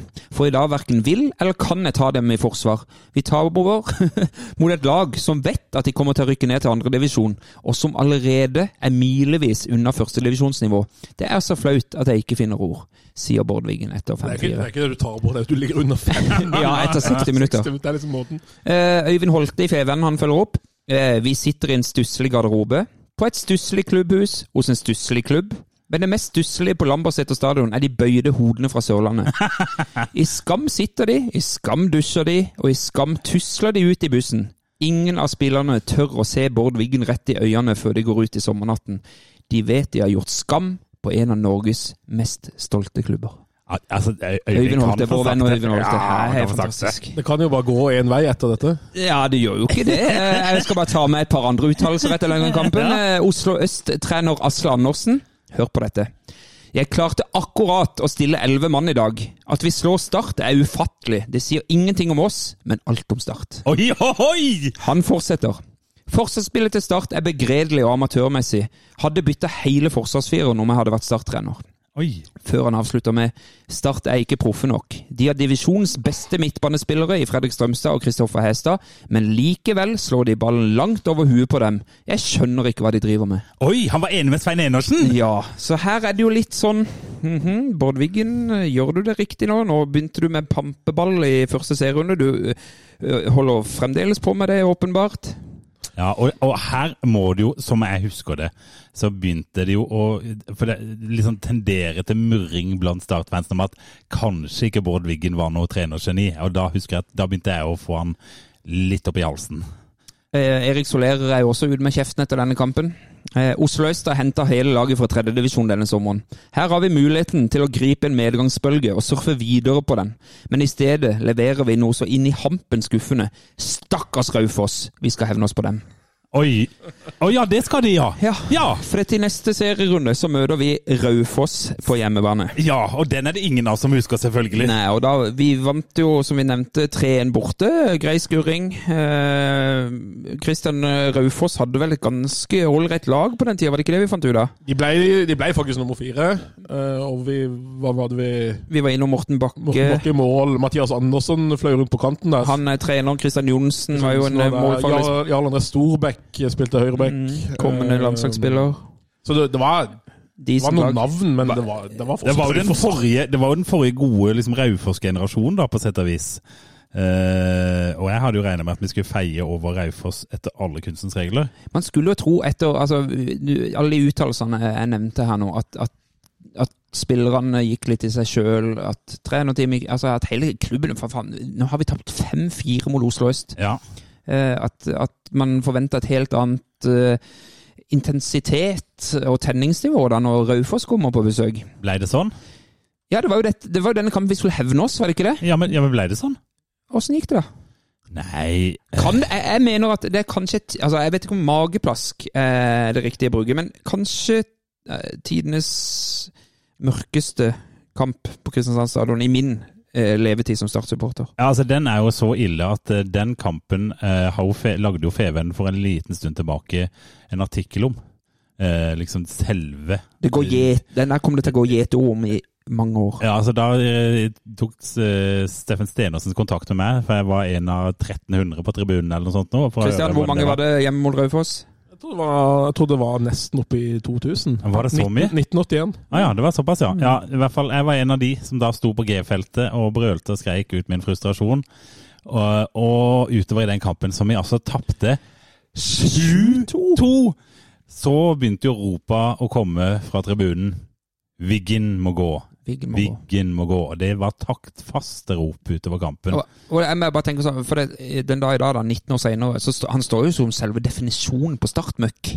Ja, ja, altså det, det får han ikke gjort noe med.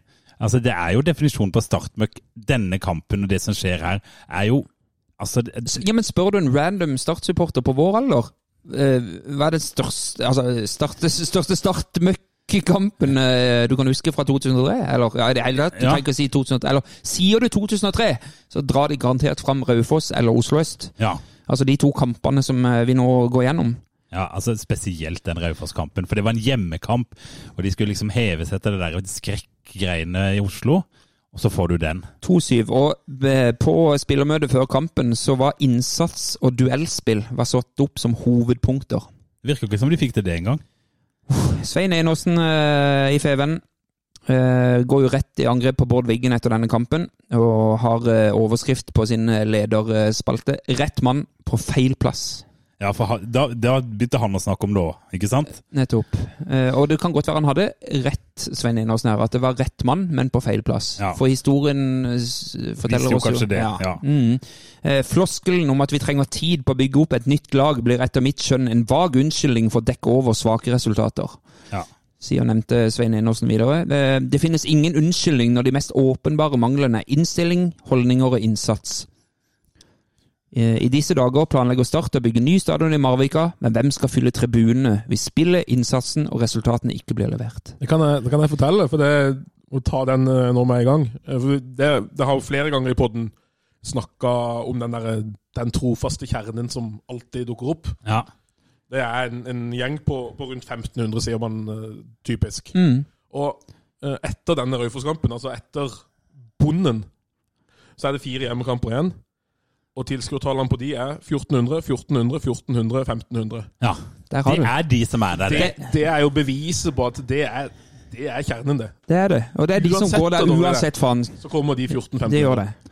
Og, og apropos blant den kjernen, da. eh, Vi kan jo snakke litt om supporterlivet på tribunen etter hvert, åssen det var. Men, men jeg husker spesielt godt denne kampen. Jeg trenger jo ikke name-droppe, men det var en av de meget eh, ivrige og mest høylytte statssupporterne på den tida.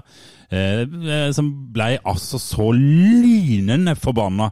Eh, Jeg husker jeg satt de siste eh, 20 minuttene av den kampen, for jeg var så forbanna. Men idet kampen var over, så reiser han seg opp, og så løper han ned mot indre bane og inn på eh, parketten der, eller på tartanen der. River av seg den gulldrakta han har på seg, så går han bort til Bård Wiggen og slenger han i trynet på han, mens resten roper 'Wiggen må gå!' Så tramper han ut av tribunen, og der står selvfølgelig TV Sør klar med, med kamera og intervjuer han, som er rasende. Så det var et godt øyeblikk. Jeg fant det dessverre ikke, men altså, det må du bare få Jim Rune få det ut til folket. Ja, det Jim Rune var på jobb da. Ja, ja, Om det ikke var Jim Rune, så var det i hvert fall en av de andre. Jeg husker ikke om han hadde begynt ennå. Men det var i hvert fall, han ble fanga opp etter å ha kasta drakta i trynet på Vård Wiggen. Så her har vi da altså tapt eh, 5-4 mot Oslo øst, 7-2 hjemme mot Raufoss. Og nå skal vi opp til eh, Hødvoll. Det skal vi også denne sesongen som kommer nå, Gimse. Det skal vi. Eh, Vi må prøve å dra dit. Ja, kanskje det. kanskje det. Eh, I 2003, eh, med dette utfallet, så ville jeg ikke dratt der. Kan ikke du si litt, Kristian. Vi gjorde en del endringer til den kampen mot Hødd her. Ja, det var naturlig nok, så, så jeg tror Wiggen hadde varsla at eh, Etter sy eh, nei, tolv baklengs på to der. Ja, så måtte, måtte ting skje, og da særlig i de brakere rekker, så eh, Rune Nilsen ble satt ut av laget. Oi! Og Frode Klingenberg Nei, der kom han! Der kom han! Han fikk hadde sin eh, første, og ikke eneste, men han sto også neste kamp. Han sto to, fikk to startkamper. Ja. Frode Killingenberg. Klingenberg. Hvis du hører på. Han har ikke gjort noe stort avtrykk. Nei, og øh, hvor ble han da? Uh, Hvor ble du av i alt ja, mylderet? eller hvor kom han fra? Jeg, jeg lurer på om det var noe Telemark-opplegg. Ja, Kan det ha vært noe Odd Grenland eller noe Ja, sånt? eller noe Notodden eller Ja, et eller annet fra ja, ja. lavere divisjoner. Start hadde jo ikke så mye penger, så de hadde vel bare plukka opp en som skulle studere på Sørlandet, sikkert. eller. Også, det ble vel gjort uh, Ja, det noe var, mer Steinar Pedersen fikk, eh, fikk fortsette, han var kaptein. Eh, Lars Martin var ute, så han kom inn til Lars Martin Gimse der, altså? Ja, da hadde jeg kanskje forklart resultatene. Nei, det var motsatt. Han, han, han uh, spilte mot Raufoss, spilte ikke mot Hødd. Ja. Uh, Ole Gerhard uh, spilte mot Raufoss, spilte ikke mot Hødd. Jokke Hakkala, han kom inn. Mot, Ja. Fikk lov å starte. For han var ikke fast på den tida, han. Helge Bjønsås var ute av lag. Ja, Jokke Hakkala var sikkert fast i kampen han var frisk. Så Ja, sånn, ja, spilte han to kamper. ja, ikke sant? Mm. Helge Bjønsås fikk lov å starte for første gang på 10-12 kamper mot Mm. Hødd. Så vi bytta fire av fem av de, av de Ja, er der. Så det, var jo, det er jo et signal om at Absolutt. Det er mulig, mulig Bård Wiggen hørte på, på Svein Enersen der og faktisk gjorde noen endringer. Eh, Strømstad kom inn igjen på laget, ser jeg. Og ja, det var Det hjalp jo ikke stort da, gutter. Jeg gjorde jo ikke Det det. gjorde jo ikke det, for 12 baklengsmål ble til 17 baklengsmål. For det ble fem nye i sekken på Hødvold. Ja. 5-2. Eh, Bård Wiggen sier 'min stilling er uendret', sa han etter denne kampen. Ja, det er han jo fram til han får sparken. Nei da, min posisjon er ikke truet, men vår backfirer bør sannelig føle sine plasser Vår truet. nye backfirer som er akkurat satt sammen til denne kampen. For dette holder bare ikke. Det er Bård Wiggen. Det er Da Bård blir det på den tredje backfireren eh, til, til neste kamp.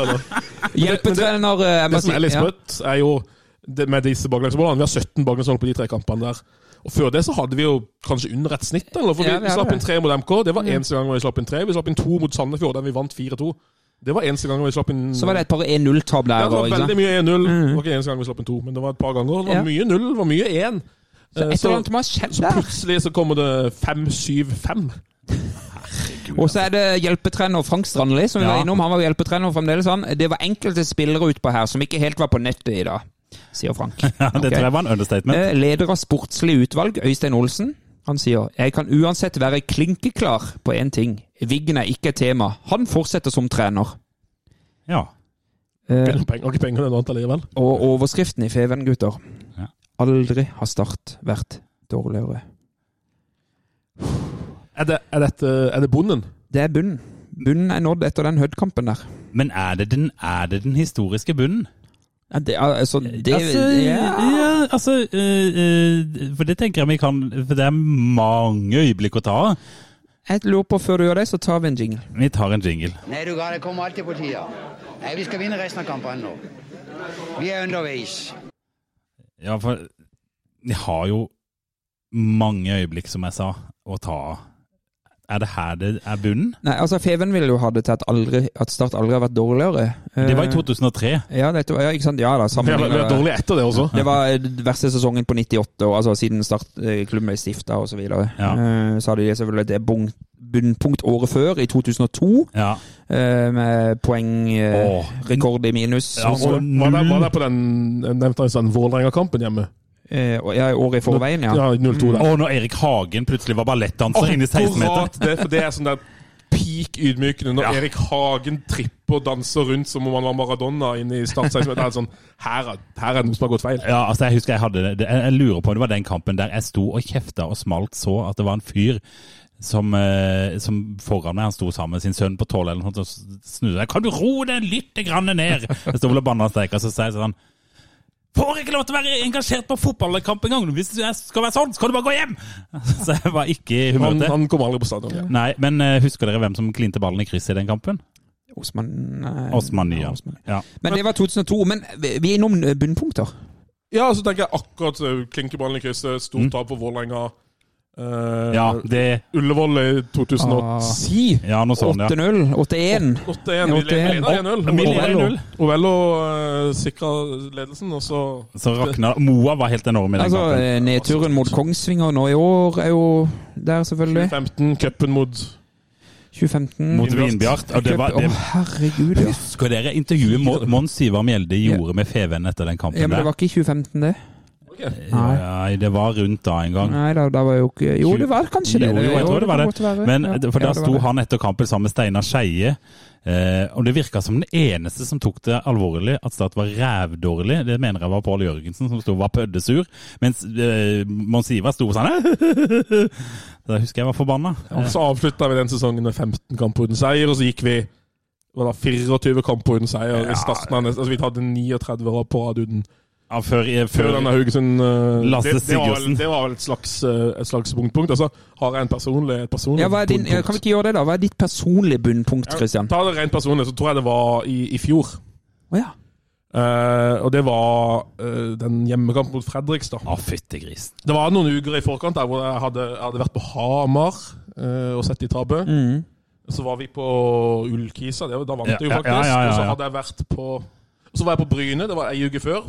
Fløy fram og tilbake til Bryne på dagen for å se de tape 4-2. Sterkt, sterkt. Og så skulle jeg hjem fra, altså fra Oslo, da, som jeg bodde, og ta toget hjem. Og så er det styr og brann i en tunnel og buss for tog, så alt er liksom Alt er jo drit, ikke sant? Kommer så vidt hjem til, til kamp. Setter seg ned, og det kan ikke gå verre enn det gjorde mot, mot Bryne. Og så er det den derre 2-6 Ja, for vi gikk fra 0-4 4-2 ble det. 4-2 til 2-6 mot Fredrikstad. 4-1 ble det for, mot Bryne i min, Ja. min bok, for jeg måtte gå før slutt for å rekke toget og rekke flyet tilbake. Men eh, 6-2 hjemme mot Fredrikstad etter buss for tog og forsinkelser. Det, det var sånn, da satt jeg der bare Hvorfor har jeg brukt en dag? Hvorfor holder, jeg på med det her? Ja, men er, det, er ditt verste bunnpunkt som startsupporter en kamp som var i fjor, altså på dine 30-40 år? Men den var jo så elendig Ja, den men- sesongen. Jeg, jeg, jeg, jeg tror ikke Uh, altså Det var litt mer innsatsen for å komme dit og Ja, hele ja. greia. Og det var som sagt Bryne før og HamKam før, og det var så Mm. mye. og Det var, sånn, det var veldig sånn der Det var mer perioden. Selv, ja, men det var veldig selvrealiserende. Hvorfor, hvorfor gjør jeg egentlig det her? Hvorfor har jeg brukt en søndag på Mm. sitte og se på det greiene For sånne refleksjoner gjorde man kanskje ikke for 20 år siden. At det liksom At det var en Nei. waste. For, jeg jeg, mener, jeg, jeg, føler, jeg, føler, jeg, føler kanskje i 2002-2003 så var det veldig mye galgenhumor. Vi var ganske gode på galgenhumor eh, under treet på, på Jo, eh, for jeg bare, nå, nå, nå ofrer man jo tid med barna sine og alt sånn nå, og da, da kan du ofte komme ja, da kan du ofte komme opp sånn Ja. eh, Fy faen, er det verdt det? Ikke sant, skjønner du? Eh, men i hvert fall for egen del, for 20 år siden så hadde man ikke liksom Alternativene var ikke all verdens.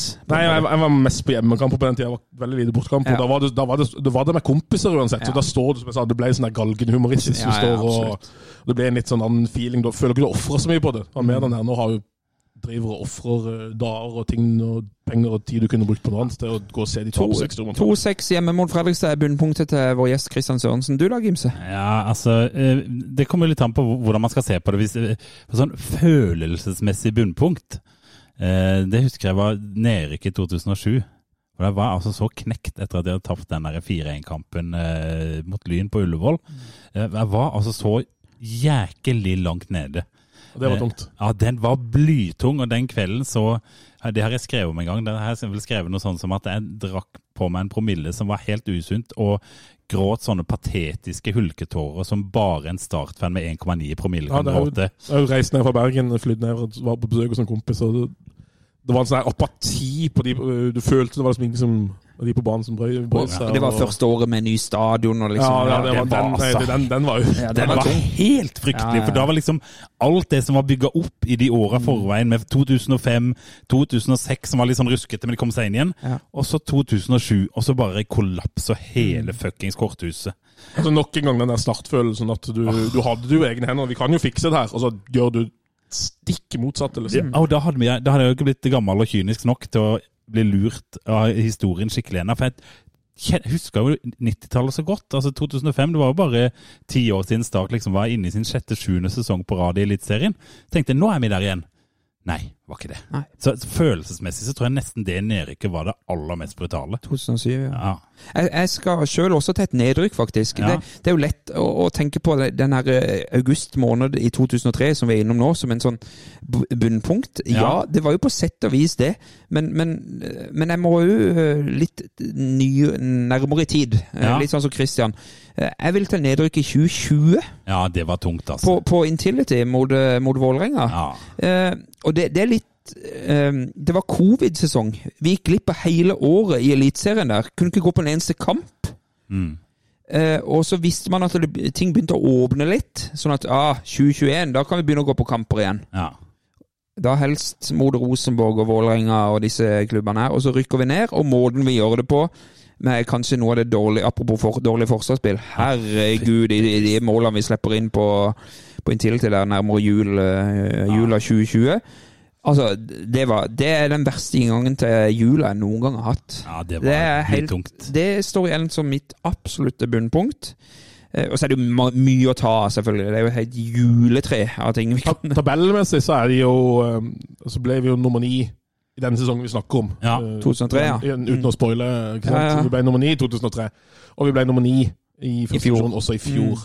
Men det som er tilfellet, er jo at det er to lag flere i Eliteserien nå enn det var den gangen. Ja, så Så sånn sett så er vi kan si vi er nummer 25 i Norge da, i fjor, og bare nummer 23 i Norge i 2003. Så sånn sett er den sesongen i fjor eh, den plasseringsmessig dårligste Start har hatt uh, i moderne tid. Ja. Og da må jeg si det, Tom. eh, Det var jo da vi starta podkasten utpå høsten. Men da var det knekt Tom, Tom Iversen Ja, utpå det høsten. var det, Da, det var det. Da, men det var jo mange som sleit med det da. Ja, ja.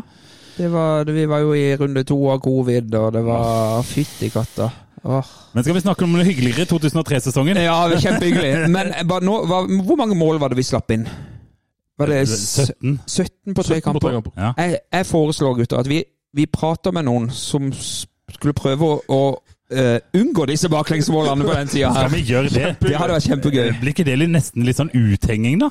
Jo, men vi får jo håpe at vedkommende er villig til å eh, dele sine betraktninger. Ja, men skal vi bare prøve å ringe vedkommende, da? Gjør det. Ja, han satser på at han uh, Jeg tror legger faktisk han legger, han legger barn, men jeg tror, håper han er ferdig. Ja, vi får satse på det.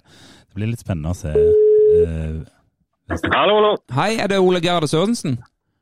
Det er det. Ja, det er Tom fra Start en pod.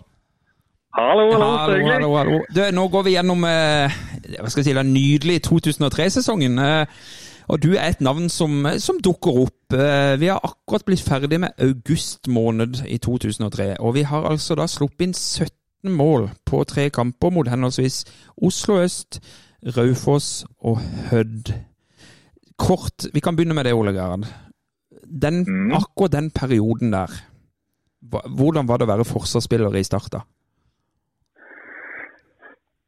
Nei, det er jo sånn at eh, det begynner å bli ganske lenge siden dette. Så nå eh, jeg måtte jo faktisk kikke litt på den terminlista for å friske opp hvordan eh, den, eh, disse rekka med kamper var. Men det var litt sånn som jeg husker, at det gikk litt sånn i rykk og vapp. Eh, og så at vi hadde en to-tre sånne forferdelige perioder med tre-fire tap på rad. mm.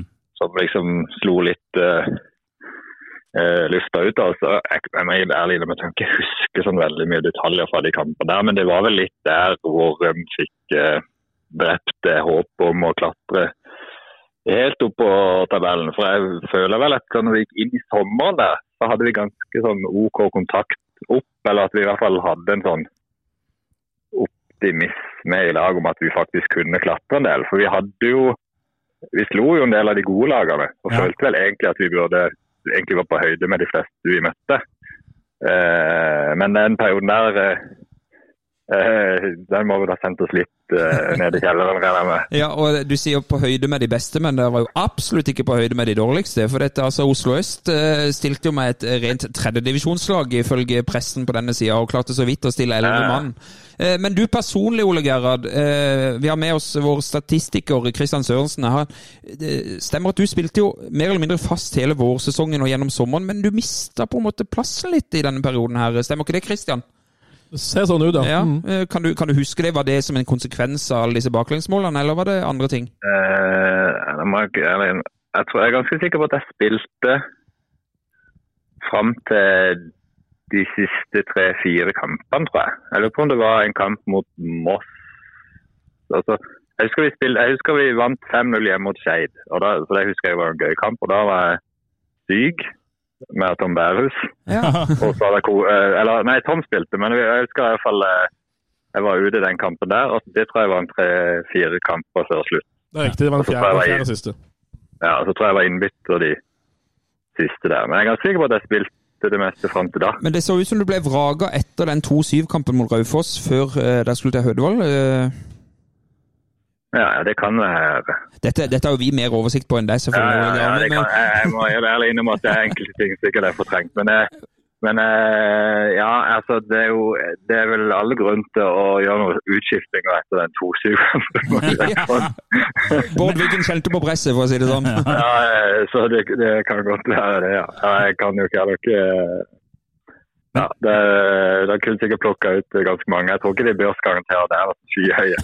Nei, men, men du, eh, i en sånn, du sier jo sjøl at dere vant mot en del gode lag, som slo Sandefjord og sånne ting. Og, og så tapte dere jo tre mot MK, som jeg aldri kommer til å få tilgi noen av spillerne på laget for. men det var jo en voldsom opp- og ned-sesong. Hvordan husker du sesongen? Liksom, hvis du tenker tilbake litt sånn generelt, hva, hva sitter du igjen med? Det er jo alltid litt sånn her delt uh, I hvert fall som ung spiller, tenker jeg. At man kanskje har, har, kan ha litt mer sånn fokus på seg sjøl. Liksom. For man er jo en sånn periode hvor man prøver å For meg handler det jo veldig mye om det med å prøve å spille meg inn på lag og, og, og på en måte få lov å spille for Start. ikke sant? Og det Mm. at eh, 2003 for min del var jo litt sånn eh, Jeg starta sesong Jeg starta ikke første kampen, og så kom jeg inn, og så ble jeg vel egentlig liksom først, egentlig den eneste perioden jeg startet hvor jeg spilte sånn jeg følte at jeg visste at jeg kom til å spille neste kamp. Ja. Eh, så det var jo sånn sett en god eh, og en god opplevelse for min del. Altså, men så var det jo det der med at du at uh, Det gikk Altså, litt, det var jo, vi kom jo fra en sånn 2002 hvor det var veldig mye kaos.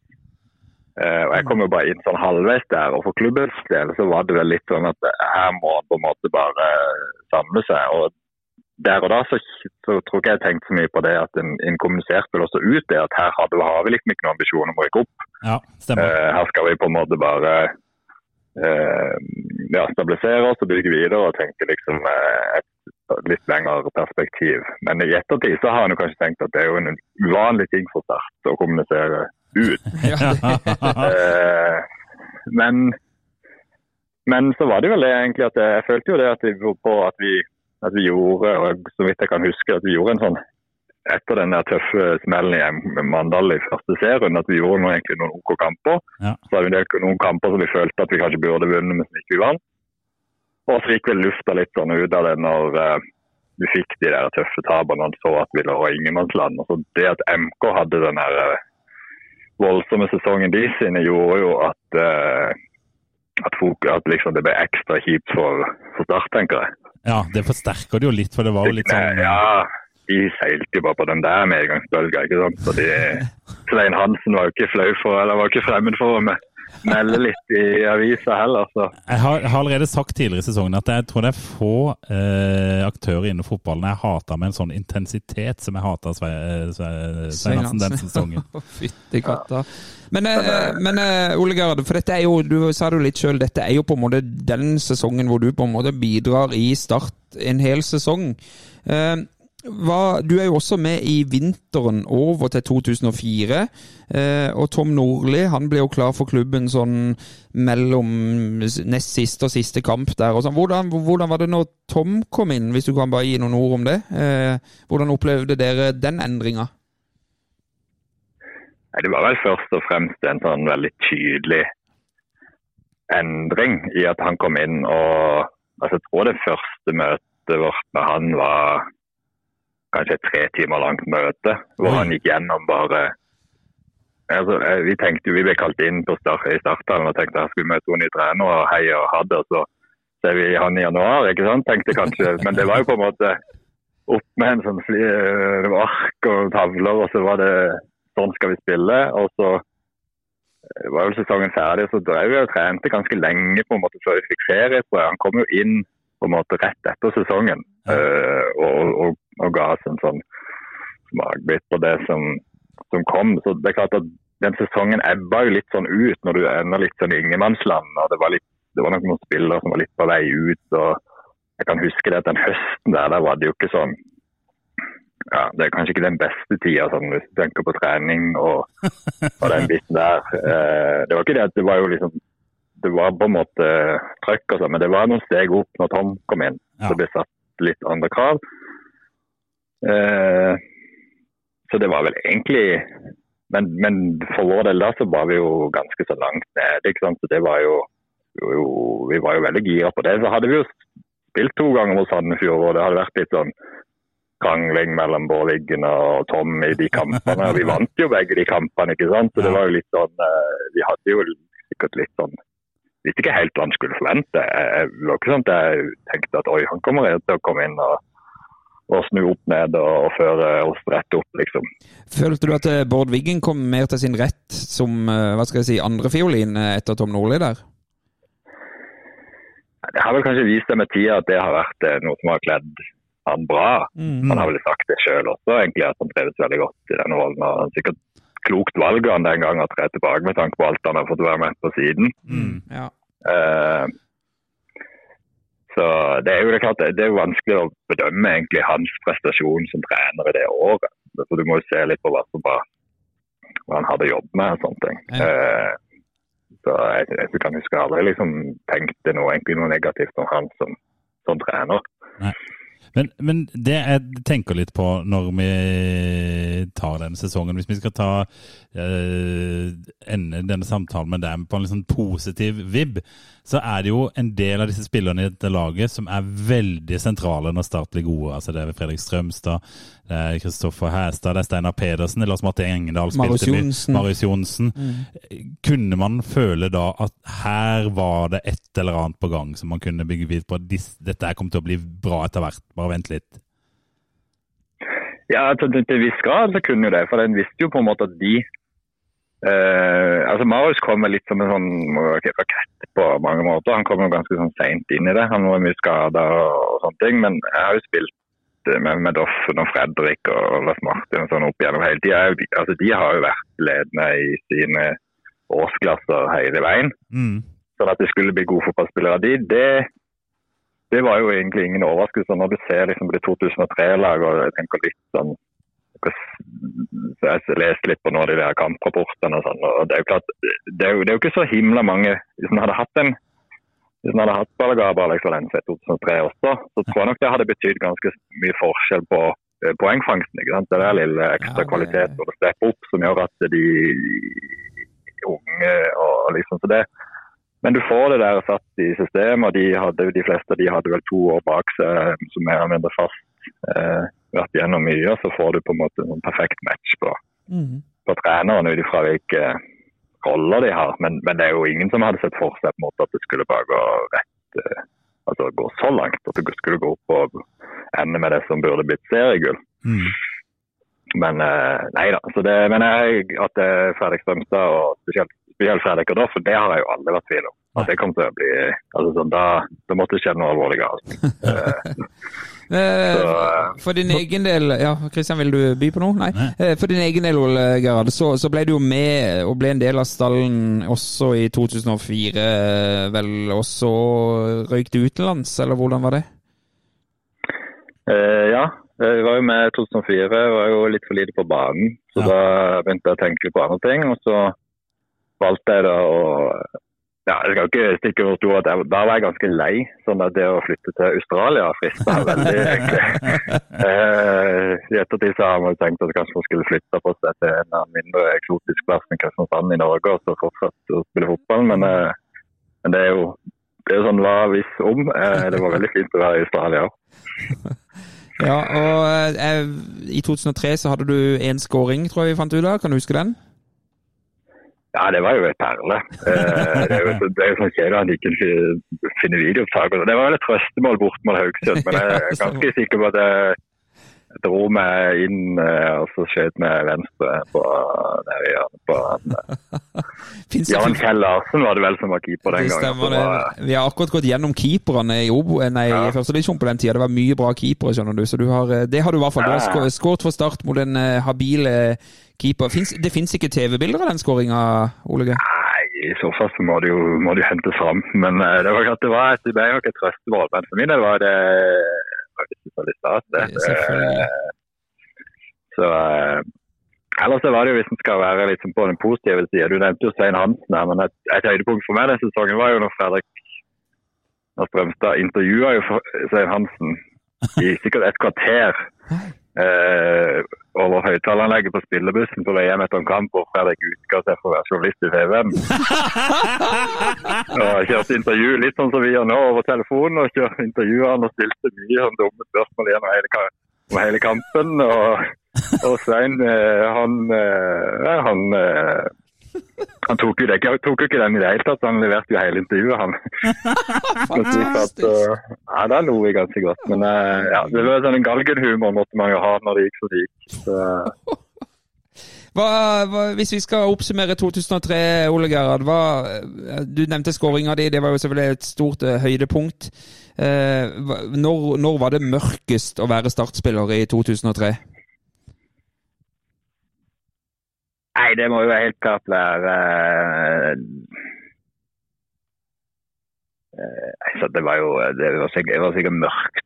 mørkt sikkert når Raufoss. Så sa det, det svei jo mest tap mot MK. Ja. Og spesielt Mm. kanskje den hjemmekamp, altså den siste hjemmekampen, det siste tapet. på en måte. For følte jo liksom at den første kampen var en sånn kamp som kunne gå begge veier. Og så gikk det jo ganske lang tid, ikke sant? og så fløy de på den bølga mens vi, eh, vi ikke gjorde det. Og så ville, var jo klart, var jo revansjesugne på den andre kampen, men da var de på en måte bare et helt annet lag. Da var de mye bedre. Altså. Da, da hadde de den selvtilliten og fløy, og da, da følte jeg vel egentlig at de, at, eh, at de var bedre. Altså. Og det var jo litt tungt. Ja, følger det på den. De der eh, Ah, NK, det det, var- året der. Uff a meg, fytti. Men eh, Ole Gard, vi, vi må videre i programmet her. Og, men jeg vil bare si Ja. tusen takk for at du stilte opp, og så håper jeg vi prates igjen. Det må vi gjerne gjøre. Det er veldig hyggelig at jeg fikk minnet meg på det med 2003-sesongen. Er litt lenge, så lenge siden jeg har tenkt på den. Nei, men uh, Tusen takk, og ha en fin kveld da, Ole. Takk skal du ha. Ha det. Ha det. Hyggelig å snakke med Ole Gerhard. Han, Ja. har jo, han er jo faktisk en startspiller som har fått en karriere i Start etter han slutta som fotballspiller. Men for en eh, statistikk han har mot MK, da. Han har bare tapt. Å. Du, Kristian Sørensen, er du i familie med Ole Gerhard? Nei, eh, kunne blitt. Oi! Holdt, på å bli, holdt jeg på å si. Jeg var Sørensen, det er jo Ja, nei, mange som er det. det, det holdt på å bli en gang, hvis jeg husker riktig. Men uh, vi tenker å gå inn på det her, tror jeg. nei, nei, nei, ok. Oi, nei, da blir det sladder. Det- Nei, men, men, men det jeg har lyst til å gå videre på da, er den der neste kampen som kommer etter der. For den har jeg sånn sterke personlige minner fra. Etter, nå er vi etter Hødd eh, 2-5 Etter Hødd Dovhjem, og da skal kjerringa i hvert fall reises hjemme mot, mot Ørn Horten. som, som vi vel hadde litt trøbbel med tidligere i sesongen. Eh, og den kampen, der tar vi ledelsen eh, ganske tidlig, faktisk. Eh, og så rett før pause så bommer Steinar Pedersen på straffe. Og Start overkjører Ørn Horten, men ut i andre omgang så begynner nervene å komme. Så begynner nervene å komme. Jeg husker jeg sto på tribunen, og da hadde man jo disse kampene ferskt i minne. Eh, og rett før slutt, i det 89. minutt, så dukker det fanken meg opp en Arendalitt. Nei, Kai Kai. Så Risholt. en Arendalitt. Altså en Arendalitt. Kai Risholt krangler inn 1-1 ett minutt før slutt. Har han altså skåret mål for andre enn Start på Kristiansand stadion? Det har han. Eh, så jeg husker det var altså så blytung den kampen eh, der. Og Kai var selvfølgelig like høyt oppe som Kai alltid er. Jeg er sikker på at han sa noe à la 'Jeg skal spille for Start, vet du. Da har har vunnet kamp 5-0'. Garantert. Det var da altså åtte serierunder før slutt. Eh, Et, etter den hjemmekampen mot Ørn, så jeg vet ikke om du har noe mer takes på den kampen der? Nei, det var bare helt fryktelig. Så, så taper vi borte mot Fredrikstad, et Fredrikstad-lag som da eh, seiler opp og vil rykke opp. Eh, Med tvillingbror Roger på, som midtbaneanker der. Helt riktig. Maus Johnsen skårer vårt mål i 1-2-tabbe der. Maus Johnsen som skårte flere mål på Fredrikstad stadion. si det. Husker dere målet i 2005 når han Ja, ja. stanga den inn der? Jeg tror vi var 17 000 bortefans faktisk i den svingen eh, i 2005. Men så følger faktisk to ganske gode kamper. Vi slår HamKam borte. Oi! Det er ikke alltid Eller Ah, ja, har du noe steds der? ham, ja, det har jeg faktisk. Ja. Men, uh, ikke bare nødvendigvis borte, men HamKam er faktisk det laget vi har best målforskjell mot. Sånn oh, ja. summert gjennom eh, Jøss. Plus, Har vi hatt noen storseiere mot Pluss dem? 32 har vi eh, mot HamKam historisk sett. er Sikkert. Eller bare mange små. Vi Slått, de- slått de mange ganger. ja, jeg, jeg husker vi slo dem ganske kraftig en gang på 90-tallet på stadion. det Men føles som det er en stund siden nå. ja, HamKam har jo ikke vært lett de siste årene. Nei, men jeg har vært og sett Start slå de 2-0 borte på Ja, Briskeby. jeg Jeg, sånn, jeg lurer på om det var 16. mai. 16. mai 2005, ja, Ja, stemmer det. Ja, jeg var der, skjønner du, og så Mm. den kampen. Men vi slår altså HamKam her, da, seks runder før slutt, borte. Og dette er et HamKam-lag som vel Er det de som vinner divisjonen dette året, Kristian? Det er vel det. det, er, det er de to vi har på rad der igjen. HamKam og Fredrikstad. De som Ja, ikke sant. topp, toppkamper tidligere i sesongen. Stemmer, som vi tapte 1-0 hjemme mål begge. Så Mm. Så slår vi HamKam eh, borte der 2-1, og så følger vi opp med en 2-1-seier hjemme mot Hønefoss. Jeg, jeg vil jo si at etter den Hødd-kampen og disse 17 baklengsmålene på, på tre kamper, så hever vi oss noe da, og, og har syv poeng på de neste fire. Det var på høy tid at de hevde seg litt igjen. Der, Altså, jeg. det, det blir jo litt sånn altså, Det er jo på en måte jeg synes, Alt før og alt etter Det er en sånn litt ujevn sesong vi vinner. Det, tablet. det er liksom de tre der som bare skiller seg ekstremt Mm. Ut. Pluss MK fordi det er MK. Det er Ja, helt og, riktig. Og, og, og, og det skal vi huske at eh, det vi snakker om med spillermateriell og sånn, det er jo mye unge spillere her. eh, Så man hadde vel regna med at det skulle gå litt opp og ned, og en nokså uerfaren hovedtrener. Men at det skulle gå så fryktelig opp og ned, Det tror jeg vel de færreste hadde sett for seg. Eh, så Og det var vel det Ole Gerhard sa, at, eh, at den høsten var liksom grei nok. Vi fikk noen gøye kamper. Etter den Hønefoss-seieren så taper vi Det er bare litt sånn personlig gøy, for, eller ikke gøy, men kampen etter taper vi bort mot Moss. ja. 2-1, og det var forrige gang jeg var på Meløs. Ja, og det skal vi i serieåpninga i år. Det skal vi, og nå var det riktignok, du og Kristian på cupkamp i, i sommer nå, eh, men jeg husker godt den 2-1-tapen mot Moss 5. oktober 2003. Det er jo helt sykt å tenke at man husker sånt godt, men eh, det gjorde nå det. Ja. Um, så kampen etter var den 5-0-seieren hjemme mot Skeid. Da har jeg vært og rota litt i arkivet. For den, den, eh, den kampen var jeg ikke på. Ok. Men jeg husker veldig godt at jeg ringte en kompis som sto på tribunen, og han var altså så ekstatisk eh, at jeg tror nesten vi må ta inn en startspiller for å snakke om den kampen. Eller Skal- alt mulig annet. Ja, jeg, jeg har litt lyst ikke ringe Ole Gerhard og høre om den kampen siden han nevnte den jo i stad, den Shade-kampen. Men la, jeg har lyst til å prøve å, å prate med noen andre òg. En helt random. Ta fingrene i, i været. Peder Vinsnes. Vi prøver Peder Vinsnes. Ring Peder Vinsnes og hør om han kan huske Shade 5-0. Spilte åtte minutter. Ja, Spilte åtte minutter. Han må jo garantert Tror du han legger unger, eller? Ja, det vet jeg ikke. Det er lenge siden vi har prata med Peder Vinsnes. Ja, jeg vet ikke om jeg noen gang har gjort det. Hallo? Hallo, det er Peder. Hei, Peder. Er det, det er Peder Vinsnes. Riktig, Peder, jeg kommer til. Ja, det stemmer. Ja, det, ja nydelig. Det- Vi ringer fra Start en pod. Eh, hyggelig, Peder. Vi går gjennom 2003-sesongen og tenkte det kunne være gøy å høre med deg. Eh, først, eh, hva er det første som slår deg når du hører 2003 og IK Start? Ja, Det, må, det blir jo det blir ikke ett svar på det. Nei. Vi har god tid, vi har god tid. Ja, første svaret blir jo at det er jo den dårligste sesongen Start har levert på 50-60 år. Ja. på 60-tallet. Og så var det egentlig bunnen var nådd. Eh, kontrastene ble jo veldig store til det som skulle komme i 2004 og 2005. Ja. Og så, når man skraper bunnen i 2003, så det når bunnen i 2003, så oppturen blir jo brå og stor. Men eh, jeg sitter med en, eh, føler at jeg sitter på noe svar på at det var noe som hadde skjedd eh, i de årene før der, som gjorde at man eh, skulle komme veldig sterkt tilbake i 2004 og 2005. Og så var det jo mitt eh, Apropos det, 2003 flytta vi til Kristiansand i 2003. da. Så Ja, for jeg har litt lyst til jeg, jeg har litt lyst til å høre hvordan Peder Vinsnes hadde det i 2003. Med, å, ja, som du sier, flytta til Kristiansand og ble startspiller. Du, kom du fra Sverige, var det så? Det samme. Når vi god research. Jeg kom fra Sverige, i Norrköping. Eh, og så bodde jeg hjemme i Trondheim da, i noen måneder. Og så var vel det Det var vel en ganske bra link med Start i ganske mange måneder, men det var ganske turbulent eh, etter et vanskelig 2002 for Start. Mm. Så en avtale ble vel ikke skrevet før eh, etter La Manga i mars 2003, rett før vi skulle eh, seriestart mot Mannholmskameratene. Ja. Og da hadde jeg egentlig muligheter på en del andre klubber, men eh, at Start var det riktige å gjøre. Så det var det jeg gjorde i 2003.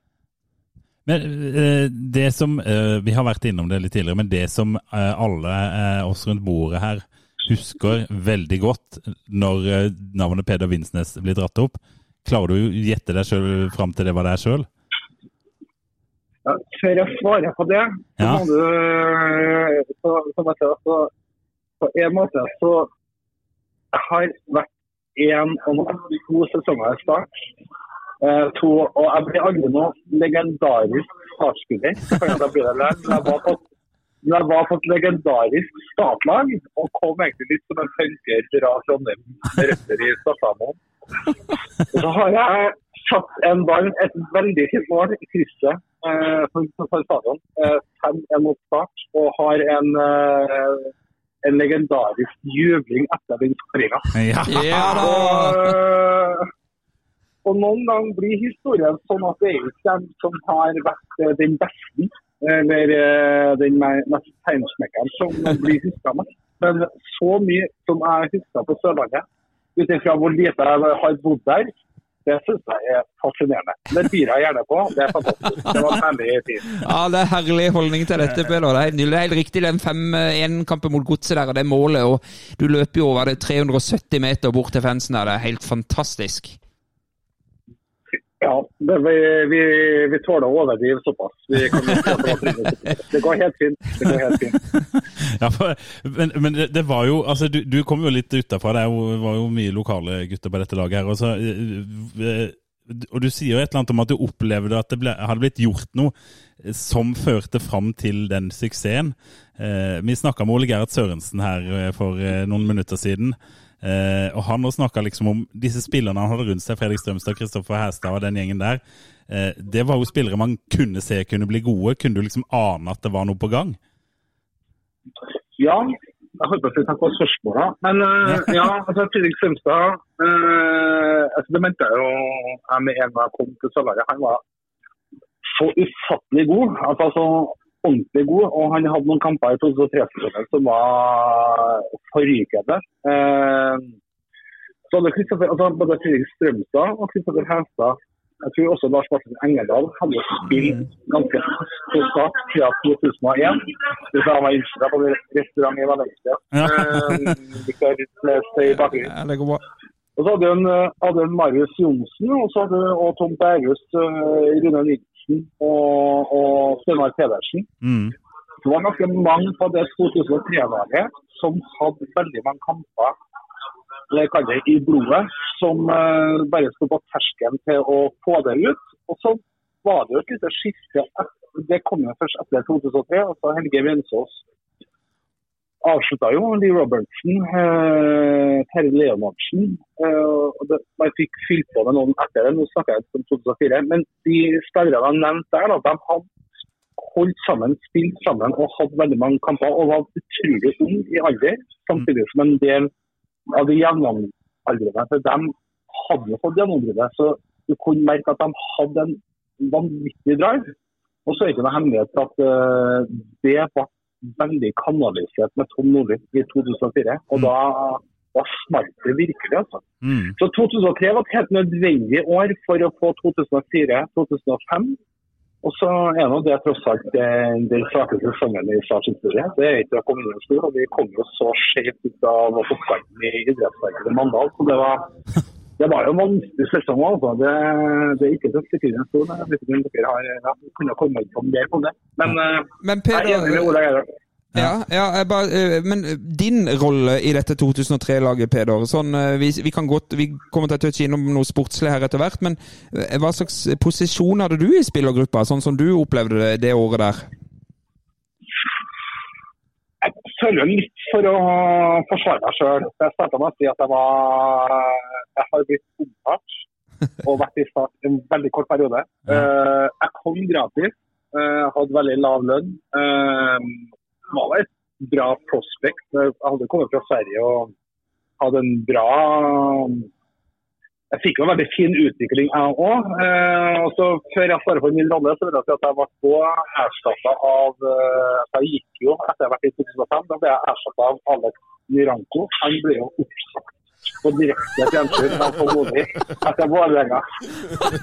Og i 2000 og i 2004 så ble jeg òg For jeg hadde et lite utlån til Arendal. Det var en veldig god tanke med det. da, At jeg skulle spille litt eh, seniorfotball. Da ble jeg eh, da av Janni Koljak. Så det sendte jeg en og en halv måned før. Så alle mine erstattere vil jeg si har levert til svakarmen. Min rolle var at eh, de hadde dårlig økonomi, og de eh, fikk en eh, noe en trønder, de fikk en ung fotballspiller på 23 år som hadde eh, 60, 60 kamper i svensk elitefotball før jeg kom på, for en billig penge. Det var rollen. Og så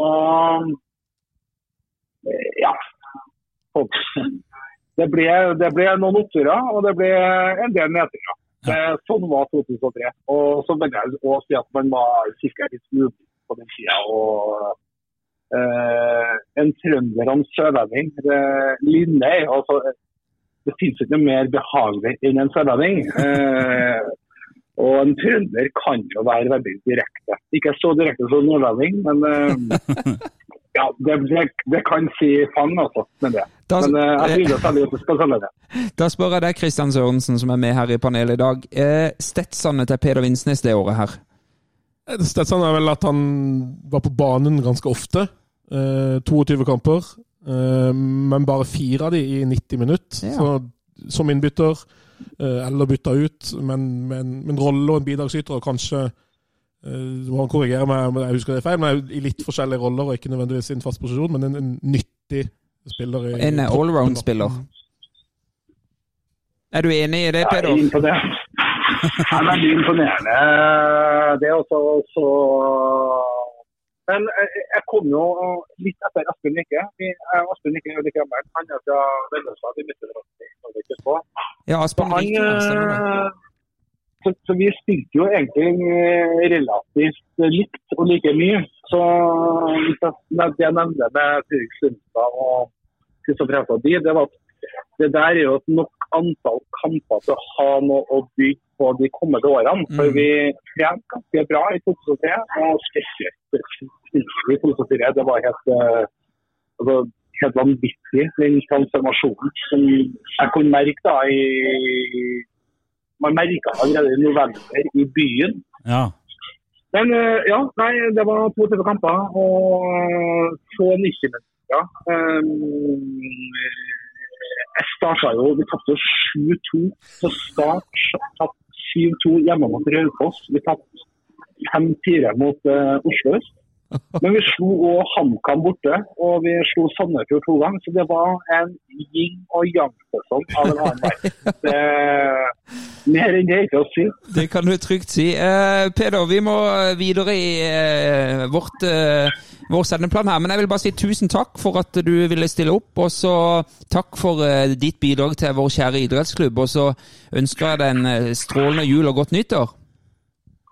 Like måte nå, fantastisk hyggelig at dere ringte og lykke til videre med podden. Det var veldig hyggelig. Tusen takk, det. Peder. Vi snakkes. Ha det. Ha det. Eh, Det var gøy, altså. Ja, det var gøy. Ja. Fin. eh, me- Melder litt og ja, det var bra. Ja, han var frisk. Ja, og ja, hvor ofte har vi prata med Peder Vinsnes de siste 20 årene, liksom? Jeg, må, jeg må bare få lov til å si, Tom, hvis dette hadde vært en podkast du hørte på, så hadde du gått rett på Twitter og sagt etterpå det er Rett i min gate. Det hadde du sagt, ja, for dette, dette var veldig fint av Peder. Dette var eh, ja, og da, Brillefint. og da var vi jo vi, Vi glemte å spørre han om den Shade-kampen, da. Ja, men, Mm. men, men jeg kan ta den, for den dykker jeg nemlig litt ned i. fordi at eh, Jeg måtte rote litt, for dette var en utsatt kamp som Mm. ble spilt i midtuka. Eh, det- så det forklarer nok at jeg var på jobb. Mm. Eh, eh, og da eh, er det altså en eh, kamp der altså Start rundspilte Skeid, eh, blir det meldt. Altså, Skeid var ganske ålreite på den tida. Eh, Kom over oss på tabellen. Ja, sjang, Ja. Sjanser i den kampen 13-3. Eh, avslutninger 27-7. Eh, det er Marius Johnsen, eh, Terje Leonardsen, Ben Wright med to mål. Fredrik Wilhelm Henriksen. Leo blir eh, banens beste. Og eh, før den eh, kampen her Jeg kan ta det før jeg tar resten av kampen. Så skrev tre unge eh, sørlendinger under sin første proffkontrakt med Start før Oi. denne kampen. Og Det er spørsmålet til dere gutter. Kan dere gjette hvilke tre unge gutter det var Jeg i tror jeg har to av de. Altså, jeg, jeg så, så det godt. Ok, men Ja, kan, ja, jeg, kan du gjette, jeg, tipper, jeg tipper at Jesper Mathisen er en av de. Det er helt riktig. Ja. Uh, og så tipper jeg at Morten Hæstad er en av de. Det er helt riktig. Eh, Tredjemann, hvem i alle dager? En ung gutt. Ja, en unggutt. Eh, Jesso Hene. Nei, det var Leif Otto Paulsen. Å ja. Ja. Det var de tre skrev under sin Signerte han første så tidlig? Ja, ja proffkontrakt. Var, de var vel 16, både Morten Hæstad og Jesper Mathisen, og så var Leif Otto 18. Mm. Da fikk de sin første proffkontrakt. Og da eh, var det eh, der denne kampen, da. Eh, og da var det altså helt panegyriske hyllester i Fevennen. Eh, de, de skrev annet her at Start leverte nemlig varene som det holdt i går. De beviste at potensialet i laget faktisk er så stort som de selv har ytret tidligere. I går var det eliteserieklasse over Start. Oi, oi, Ja, ja. oi! Er det Svein Enåsen? Ja, det var i avisen her. Og så sier liksom da Fredrik Strømstad Neste år skal vi være topplag, og da må vi stabilisere oss på et nivå ikke langt unna det vi viste i dag. Deilig. Og, overraskelsen i, i denne kampen Starts fantastiske oppvisning i andre omgang. Skeid ble rundspilt i skamfulle, sto det her, men jeg lurer på om de må ha ment samfulle, 42 minutter uten en eneste down-periode. Så her var, Start var altså så vanvittig god i den kampen her, og feide Skeid av gårde. Men der hadde vi ni, etter den da, så hadde vi ni, altså det, i den perioden der, ni poeng på fire kamper. Ja. Tre seire.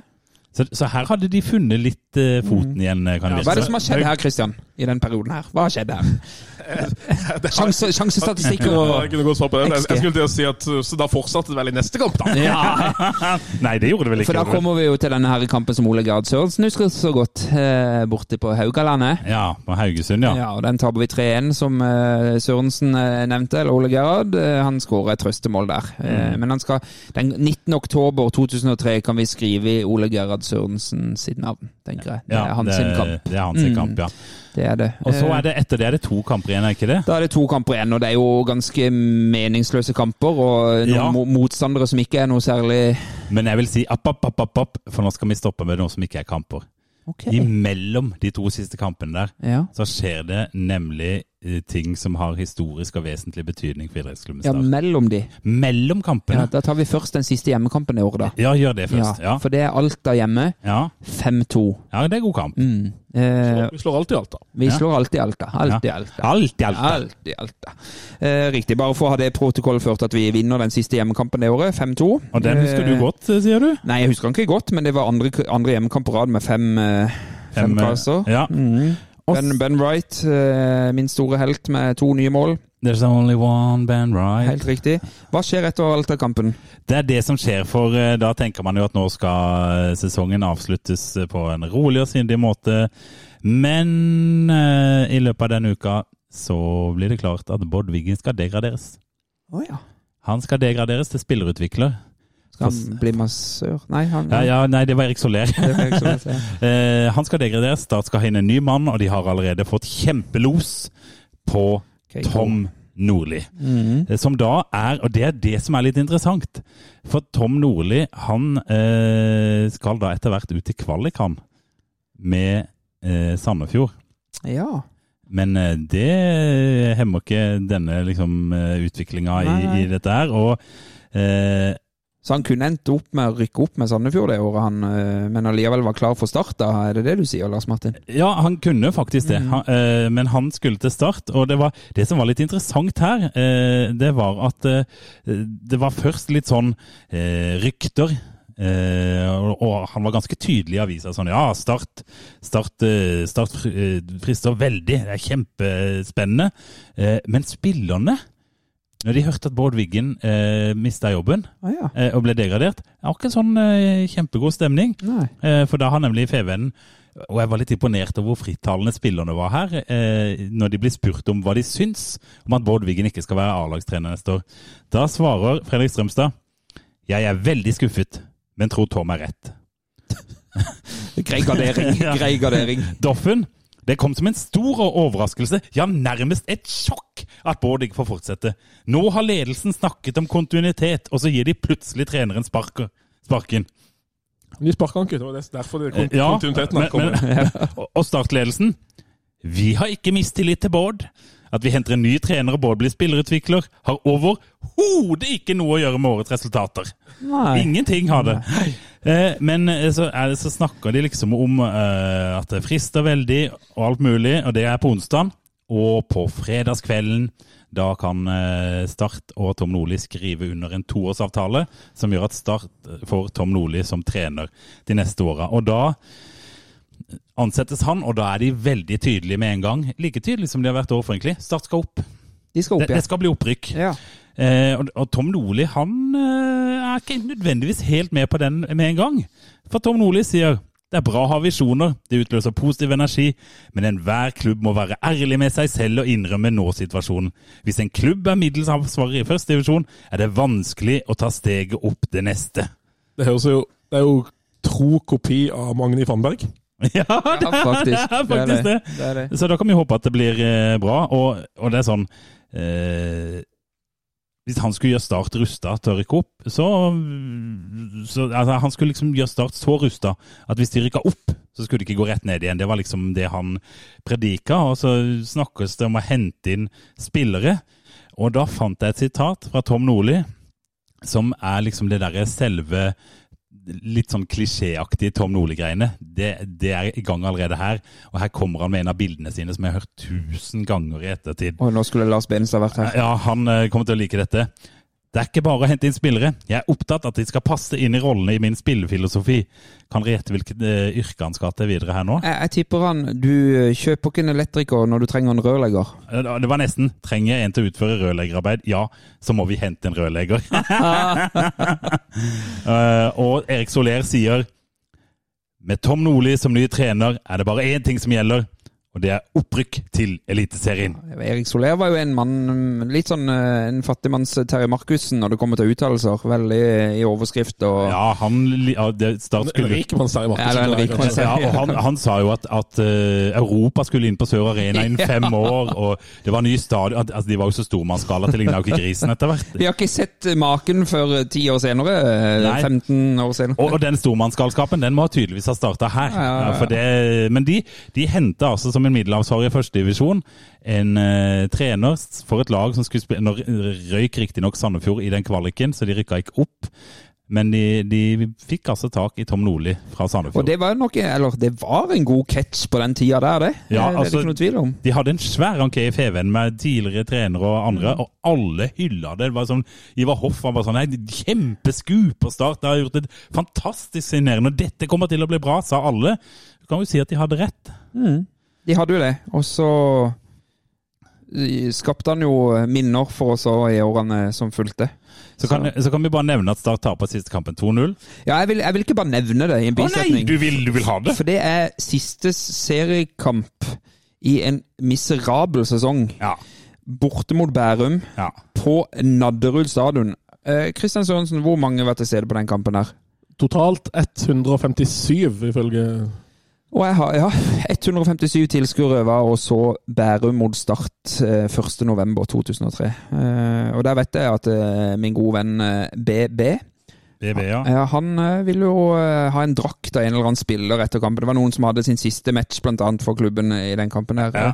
Jeg mener Han må gjerne rette meg, men jeg tror han ikke fikk det, og har vært skuffa siden. Og nå Ja. har det gått 19 år. Men eh, hyll, hyll til de som tok turen. for hyll, for, der. Hyll, hyll for de som tok turen til Bærum eh, 1.11. Men vi kan jo nevne, siden, siden eh, at det var noen som hadde sin siste kamp, så syns jeg det er litt verdt å nevne navnet på en som hadde sin siste kamp.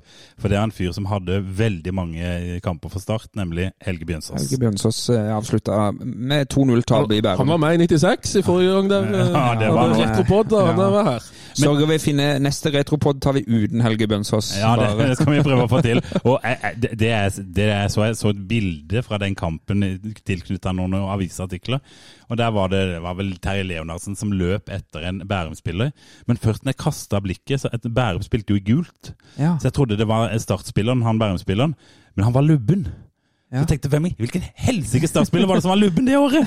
Det var, han, det var han på det laget som slo Start. Det var ikke sånn Ja, det var det som var så trist.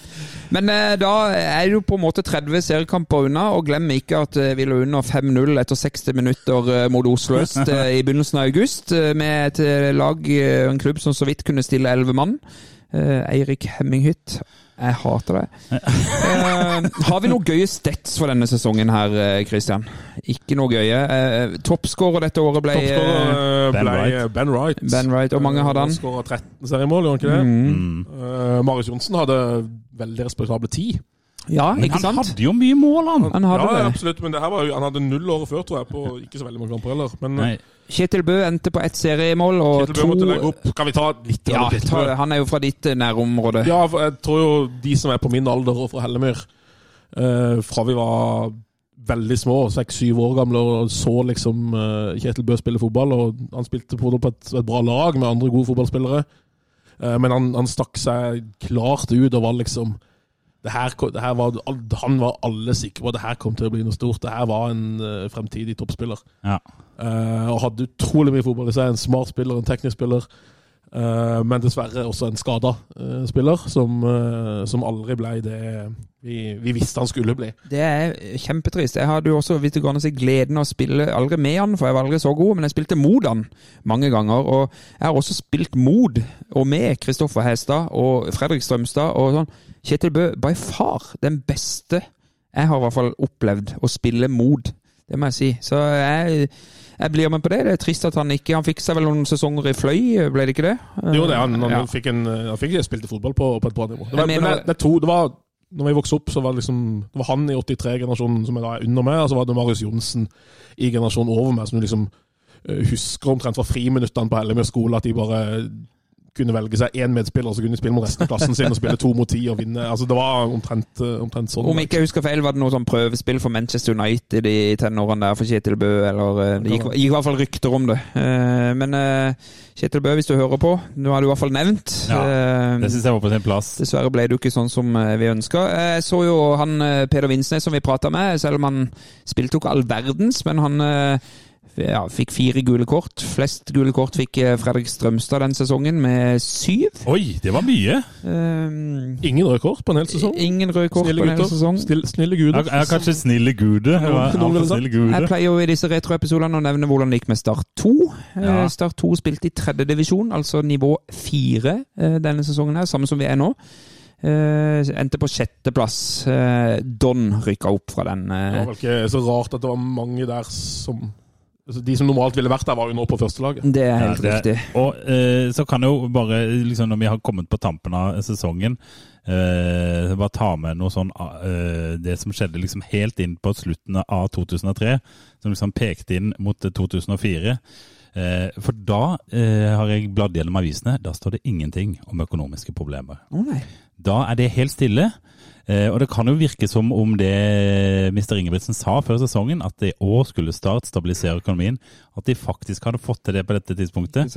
Hvem vet, kanskje de hadde gravd ned noen regninger et eller annet sted, som Start har gjort Det er nye betaler i, dag. Ja, ja, det er nye betaler i dag. Men, men i hvert fall så sto det ingenting om det, og da begynte Start å sondere markedet. Ja. Hvem skulle de hente? Eh, og en av de første som dukka opp, og som eh, da Tom Nordli identifiserte, Atle Roar Haaland fra MK. For en signering. Ja, det var jo statement, da.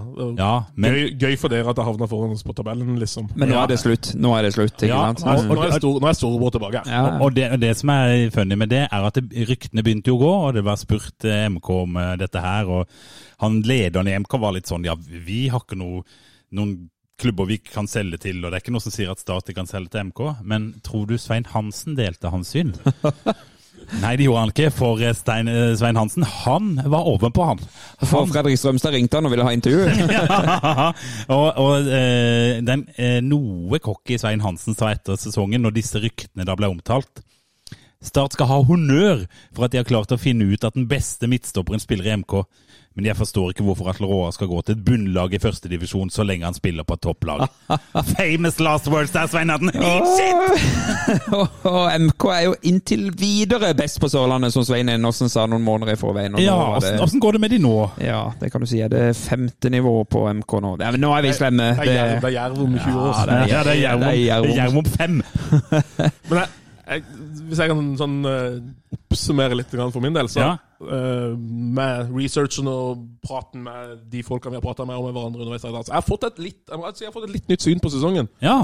For eh, det som, som vi har vært innom, det som jeg først og fremst tidligere har tenkt på på 2003, er jo Det var bonden.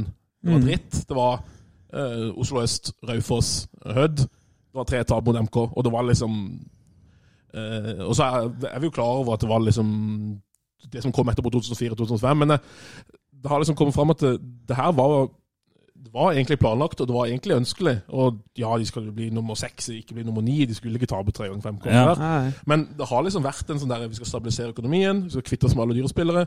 Vi skal øh, satse på, på egne unge spillere. Og øh, en ting som jeg syns var gøy, var noe tall. Eh, de elleve spillerne som, som har spilt klart mest, det ganske markant, klart mest, på laget denne sesongen, det er Rune Nilsen i mål. ja. Eh, og så har de ikke nødvendigvis spilt i den 4-3-3-formasjonen dette året. De har spilt, jeg tror de har bytta og vingla litt og sånn, men du kan likevel se et veldig tydelig tegna lag her. Mm. Steinar Pedersen, Lars Martin Engdahl, Ole Gerhard Sørensen og Marius Johnsen. Oi, Alle de har mye. spilt, eh, spilt mye, over 2000. Og det er jo basically forsvarsrekka som Eller Mm. uh, Atle Roar og inn og så Ja. ja. Eh, og så er det Tom Berrus, Kristoffer Hestad og Fredrik Strømstad. Ja, og den midtbanetrioen der fulgte oss jo de neste årene. Og så er det Terje Leonardsen, eh, Fredrik Henriksen og Ben Wright. Det var de elleve som uh, i forskjellige former har vært stammen i 2003. Og så gjorde de det vi nå har så vidt har vært inne på. De gikk ut og plukka en kvalitetsspiller i Atle Roar Haaland, som da gikk inn og tok Ole Gerhard sin plass, eh, sammen med Engedal. De plukka en kvalitetsspiller på topp i Balla Garba, som uh, tok den midtspissrollen som du kan si Fredrik William Henriksen har hatt. Eller, ja. Og så er det uh, Alex Valencia som vil plukke en som høyrekant i stedet for Leonardsen, mens Ben Wright er den andre kanten. Og så er det, det er åtte stykker av nøyaktig samme laget som har spilt masse fotball. Peder Vinsnes var inne på de har spilt mange minutter etter Ja, men det, det, det Peder Vinsnes også er, bare for å si det, han sa jo også at i 2002 allerede, Ja. og 2001 på noen av disse, var de allerede inne i tralten Så de har fått spilt en del minutter etter hvert. Mm. eh, begynner å utvikle seg og fått erfaring. Og så når eh, det skal forløses, så er, så er det sammen med to-tre nye kvalitetsspillere. Mm. Og det er der Akkurat der jeg har diskutert på Twitter og Ja. at der står Start i dag. Mm. Det er ganske mye likt. Jeg tror ikke nødvendigvis vi har en Fredrik Strømstad, men vi har Nei, nei. en keeper nå som er et vanvittig talent. Mm. Vi har en Emir Daviskades, vi har en del relativt unge spillere som etter hvert har fått spilt ganske mye. Og jeg tror at hvis, hvis vi kunne gjort det samme, supplerte dagens lag med to til tre Kvalitet. soleklare førstevalg kvalitetsspillere, så hadde det heva stallen eh, så vanvittig, og vi hadde på kort tid vært rykka opp, og vi hadde kunnet etablert oss i Eliteserien med det laget. Og det, men, Men- men, vi hadde råd til det i 2004. Men har vi ikke penger til det, så hjelper det ingenting. Ikke sant? Og, Men- og jeg, jeg, jeg vil bare legge til noe du Kjempebra, sier. Kristian. Jeg er ja, helt enig. Ja, for jeg vil bare legge til noen poeng. Og jeg, eh, nå er dette en samtale, eh, så jeg skal ikke navngi noen engang, men jeg har eh, hadde en litt sånn høflig samtale en gang, eller hyggelig samtale en gang med, for ikke så lenge siden, med en, eh, en eh, person som var sentral i Start på dette tidspunktet, som sa at dette var helt kalkulert. Ja. Hele 2003-sesongen er helt kalkulert. De måtte gjøre det sånn. Og de så at da måtte de satse på liksom de unge talentene de mm. hadde. Så den 2003-sesongen var helt nødvendig for det som kom i sesongen mm. etterpå. Så det tror jeg du Jeg tror jeg kan stille meg bak hvert ord du har sagt, for jeg tror det er helt rett. Ja, det er veldig bra levert, Kristian. Eh, Og det, det endrer jo, som det var jo det du egentlig begynte med, at det endrer litt det inntrykket og det, de tankene vi har hatt om 2003-sesongen. Eh, at sant, det, er jo, det er jo egentlig forbundet med, med Raufoss og Oslo øst og det, det pisset der. Men, men se hvor mye riktig de gjorde, da. Eh, det er jo lett å si når du vet hva som skjedde i årene etter. det, men, men så er det også, jeg tror det, det siste poenget den, den overgangen skjedde fordi det ble supplert med kvalitetsspillere. Den skjedde ikke fordi at Sømstad bare tok steg. altså Det måtte noe mer til der Mm. for å utløse det. ikke sant? Mm. Og Det er liksom det jeg er redd for ikke skjer nå. da. Ja. eh, Helt enig. Helt enig. Skal vi ta Vi har en årets heil og en årets bleik og sånn. Må vi ikke eh, prøve på det? Jo, det må vi prøve på. Vi gjorde vel det på den forrige retroen vår òg, Lars Martin. Det gjorde vi. Eh, Eh, har du noe? Hvordan begynner du da, Gimse? Ja, altså eh, nå har vi jo Jeg blir jo litt sånn påvirka av de vi har snakka med òg. Mm. Eh, og jeg husker jo sjøl hvordan han var og hvor mye forventninger jeg hadde til han, så jeg tror Fredrik Strømstad skal få min heid det året. Ja. For det var liksom da eh, Da var jo jeg ordentlig påkobla igjen fra høsten med og da, da, Han leverte jo noen fantastiske kamper innimellom, og annet den andre omgangen mot Sandefjord den gangen. Og det var liksom, Du skjønte da at Fredrik Strømstad, som det hadde vært snakka mye om, han, blir noe. Selv om sesongen var dritt, så skjønte du at Fredrik Der, Mm. der er det noe. Så jeg tror Fredrik skal få den heid av meg. Mm. Jeg kan ta min heid det året. Det er sikkert ikke en overraskelse for de som eh, kjenner meg godt. Det er Ben Wright, eh, årets toppskårer. Eh, det ble starten på jeg skulle til å si et livslangt, en livslang kjærlighet. Eh, han ble jo med også året etter, men Ben Wright er jo for meg Jeg var jo super, super anglofil på den tida der, og om ikke er det i dag, så var jeg i hvert fall det da. Uh, og Ben Wright er nok inne på min sånn topp fem uh, all time start-favoritter. Ikke av de beste spillerne, men Ben Wright var en strålende karakter. Og jeg håper han blir med i poden vår på et eller annet tidspunkt. Jeg har sett at han driver og holder til nede i New Zealand eller et eller annet sånt der han var fotballtrener. Så det er et eksotisk liv på den mannen. Har du noe heid, Kristian? Christian? Selvfølgelig har vi en heid. eh, En Hellemøy-gutt, så klart. Kjetil Bø. Eh, Kjetil Bø. Honorable mention. eh, Marius Johnsen, Ja. eh, min heid. Jeg var inne på det i stad. Eh, Det gjennombruddet han hadde denne sesongen, er ti kasser. Mm. eh, Og også en spiller som hadde vært skada. Han er jo eldre enn de andre guttene, han er 81, så han har jo allerede blitt eh, 22 her, uten å ha fått gjennombruddet vi kanskje hadde venta på.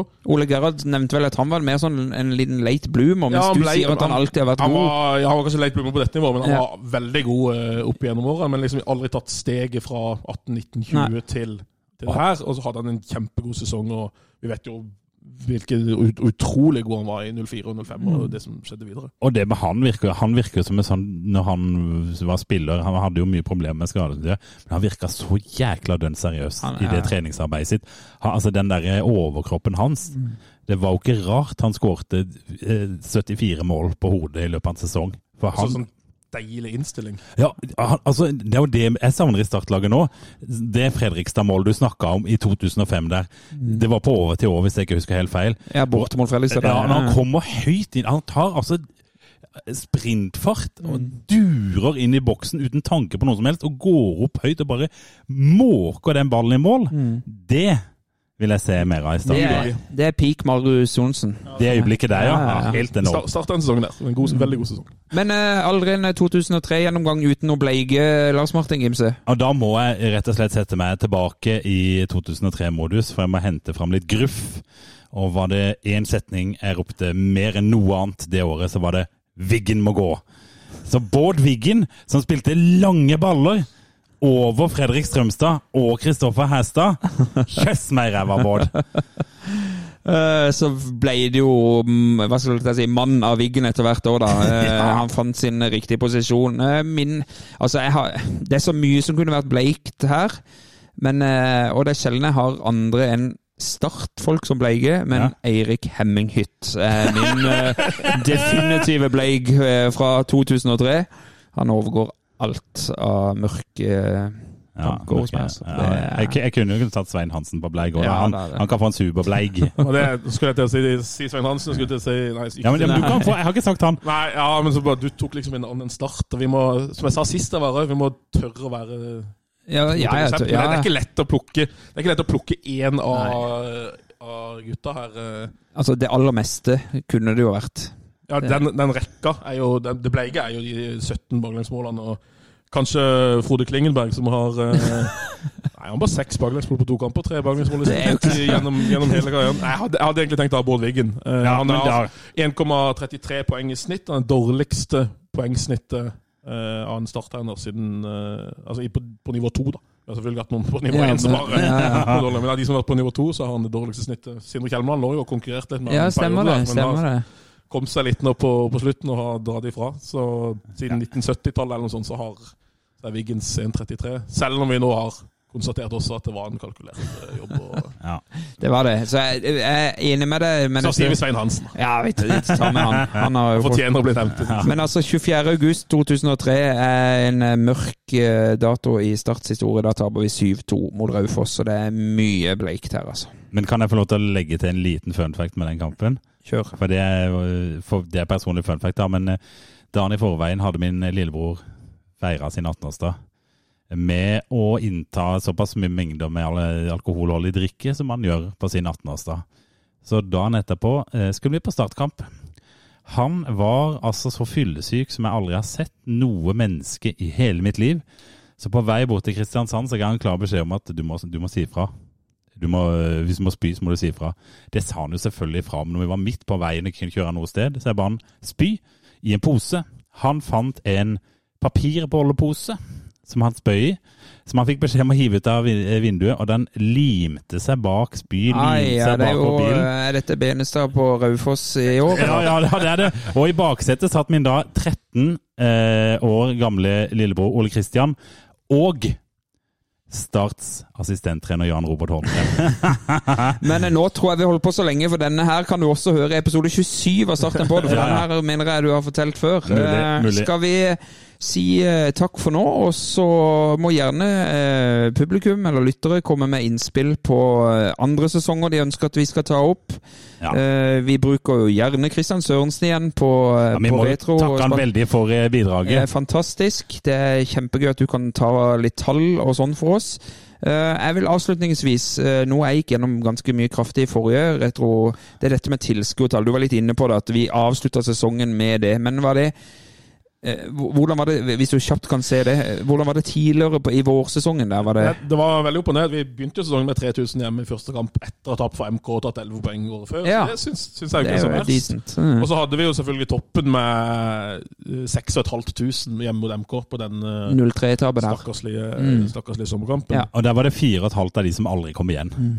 Det er riktig. det var, og så ble vi støkk der på, Ja. på 1500. Så ups and downs som alt Ja, annet denne ja, sesongen, det- tenker jeg vi kan si. Meg. Nei, nei, 2003. Vi legger lokk på den, eh, Gimse. Vi legger lokk på den. Eh, skal vi ikke avslutte med den eh, klassiske eh, eh, jinglen vår? Jo, men først eh, den, alle, den vanlige klassikeren, tenker du? Ja, vi, må, det, Retro. ja, ja det, vi skal ta det nå, Ja. men det er viktig at vi sier én ting før vi går til Det er helt riktig. Heia Start. Heia Start. Heia Start. Retro. Jeg ser inn i 22 resignerte ender! Hvor er gløden? Hvor er engasjementet? Det er ingenting å tape!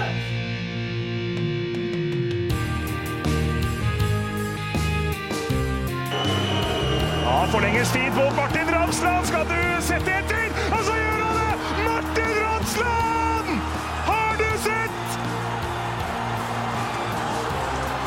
Han kommer til å bli større enn Jesus!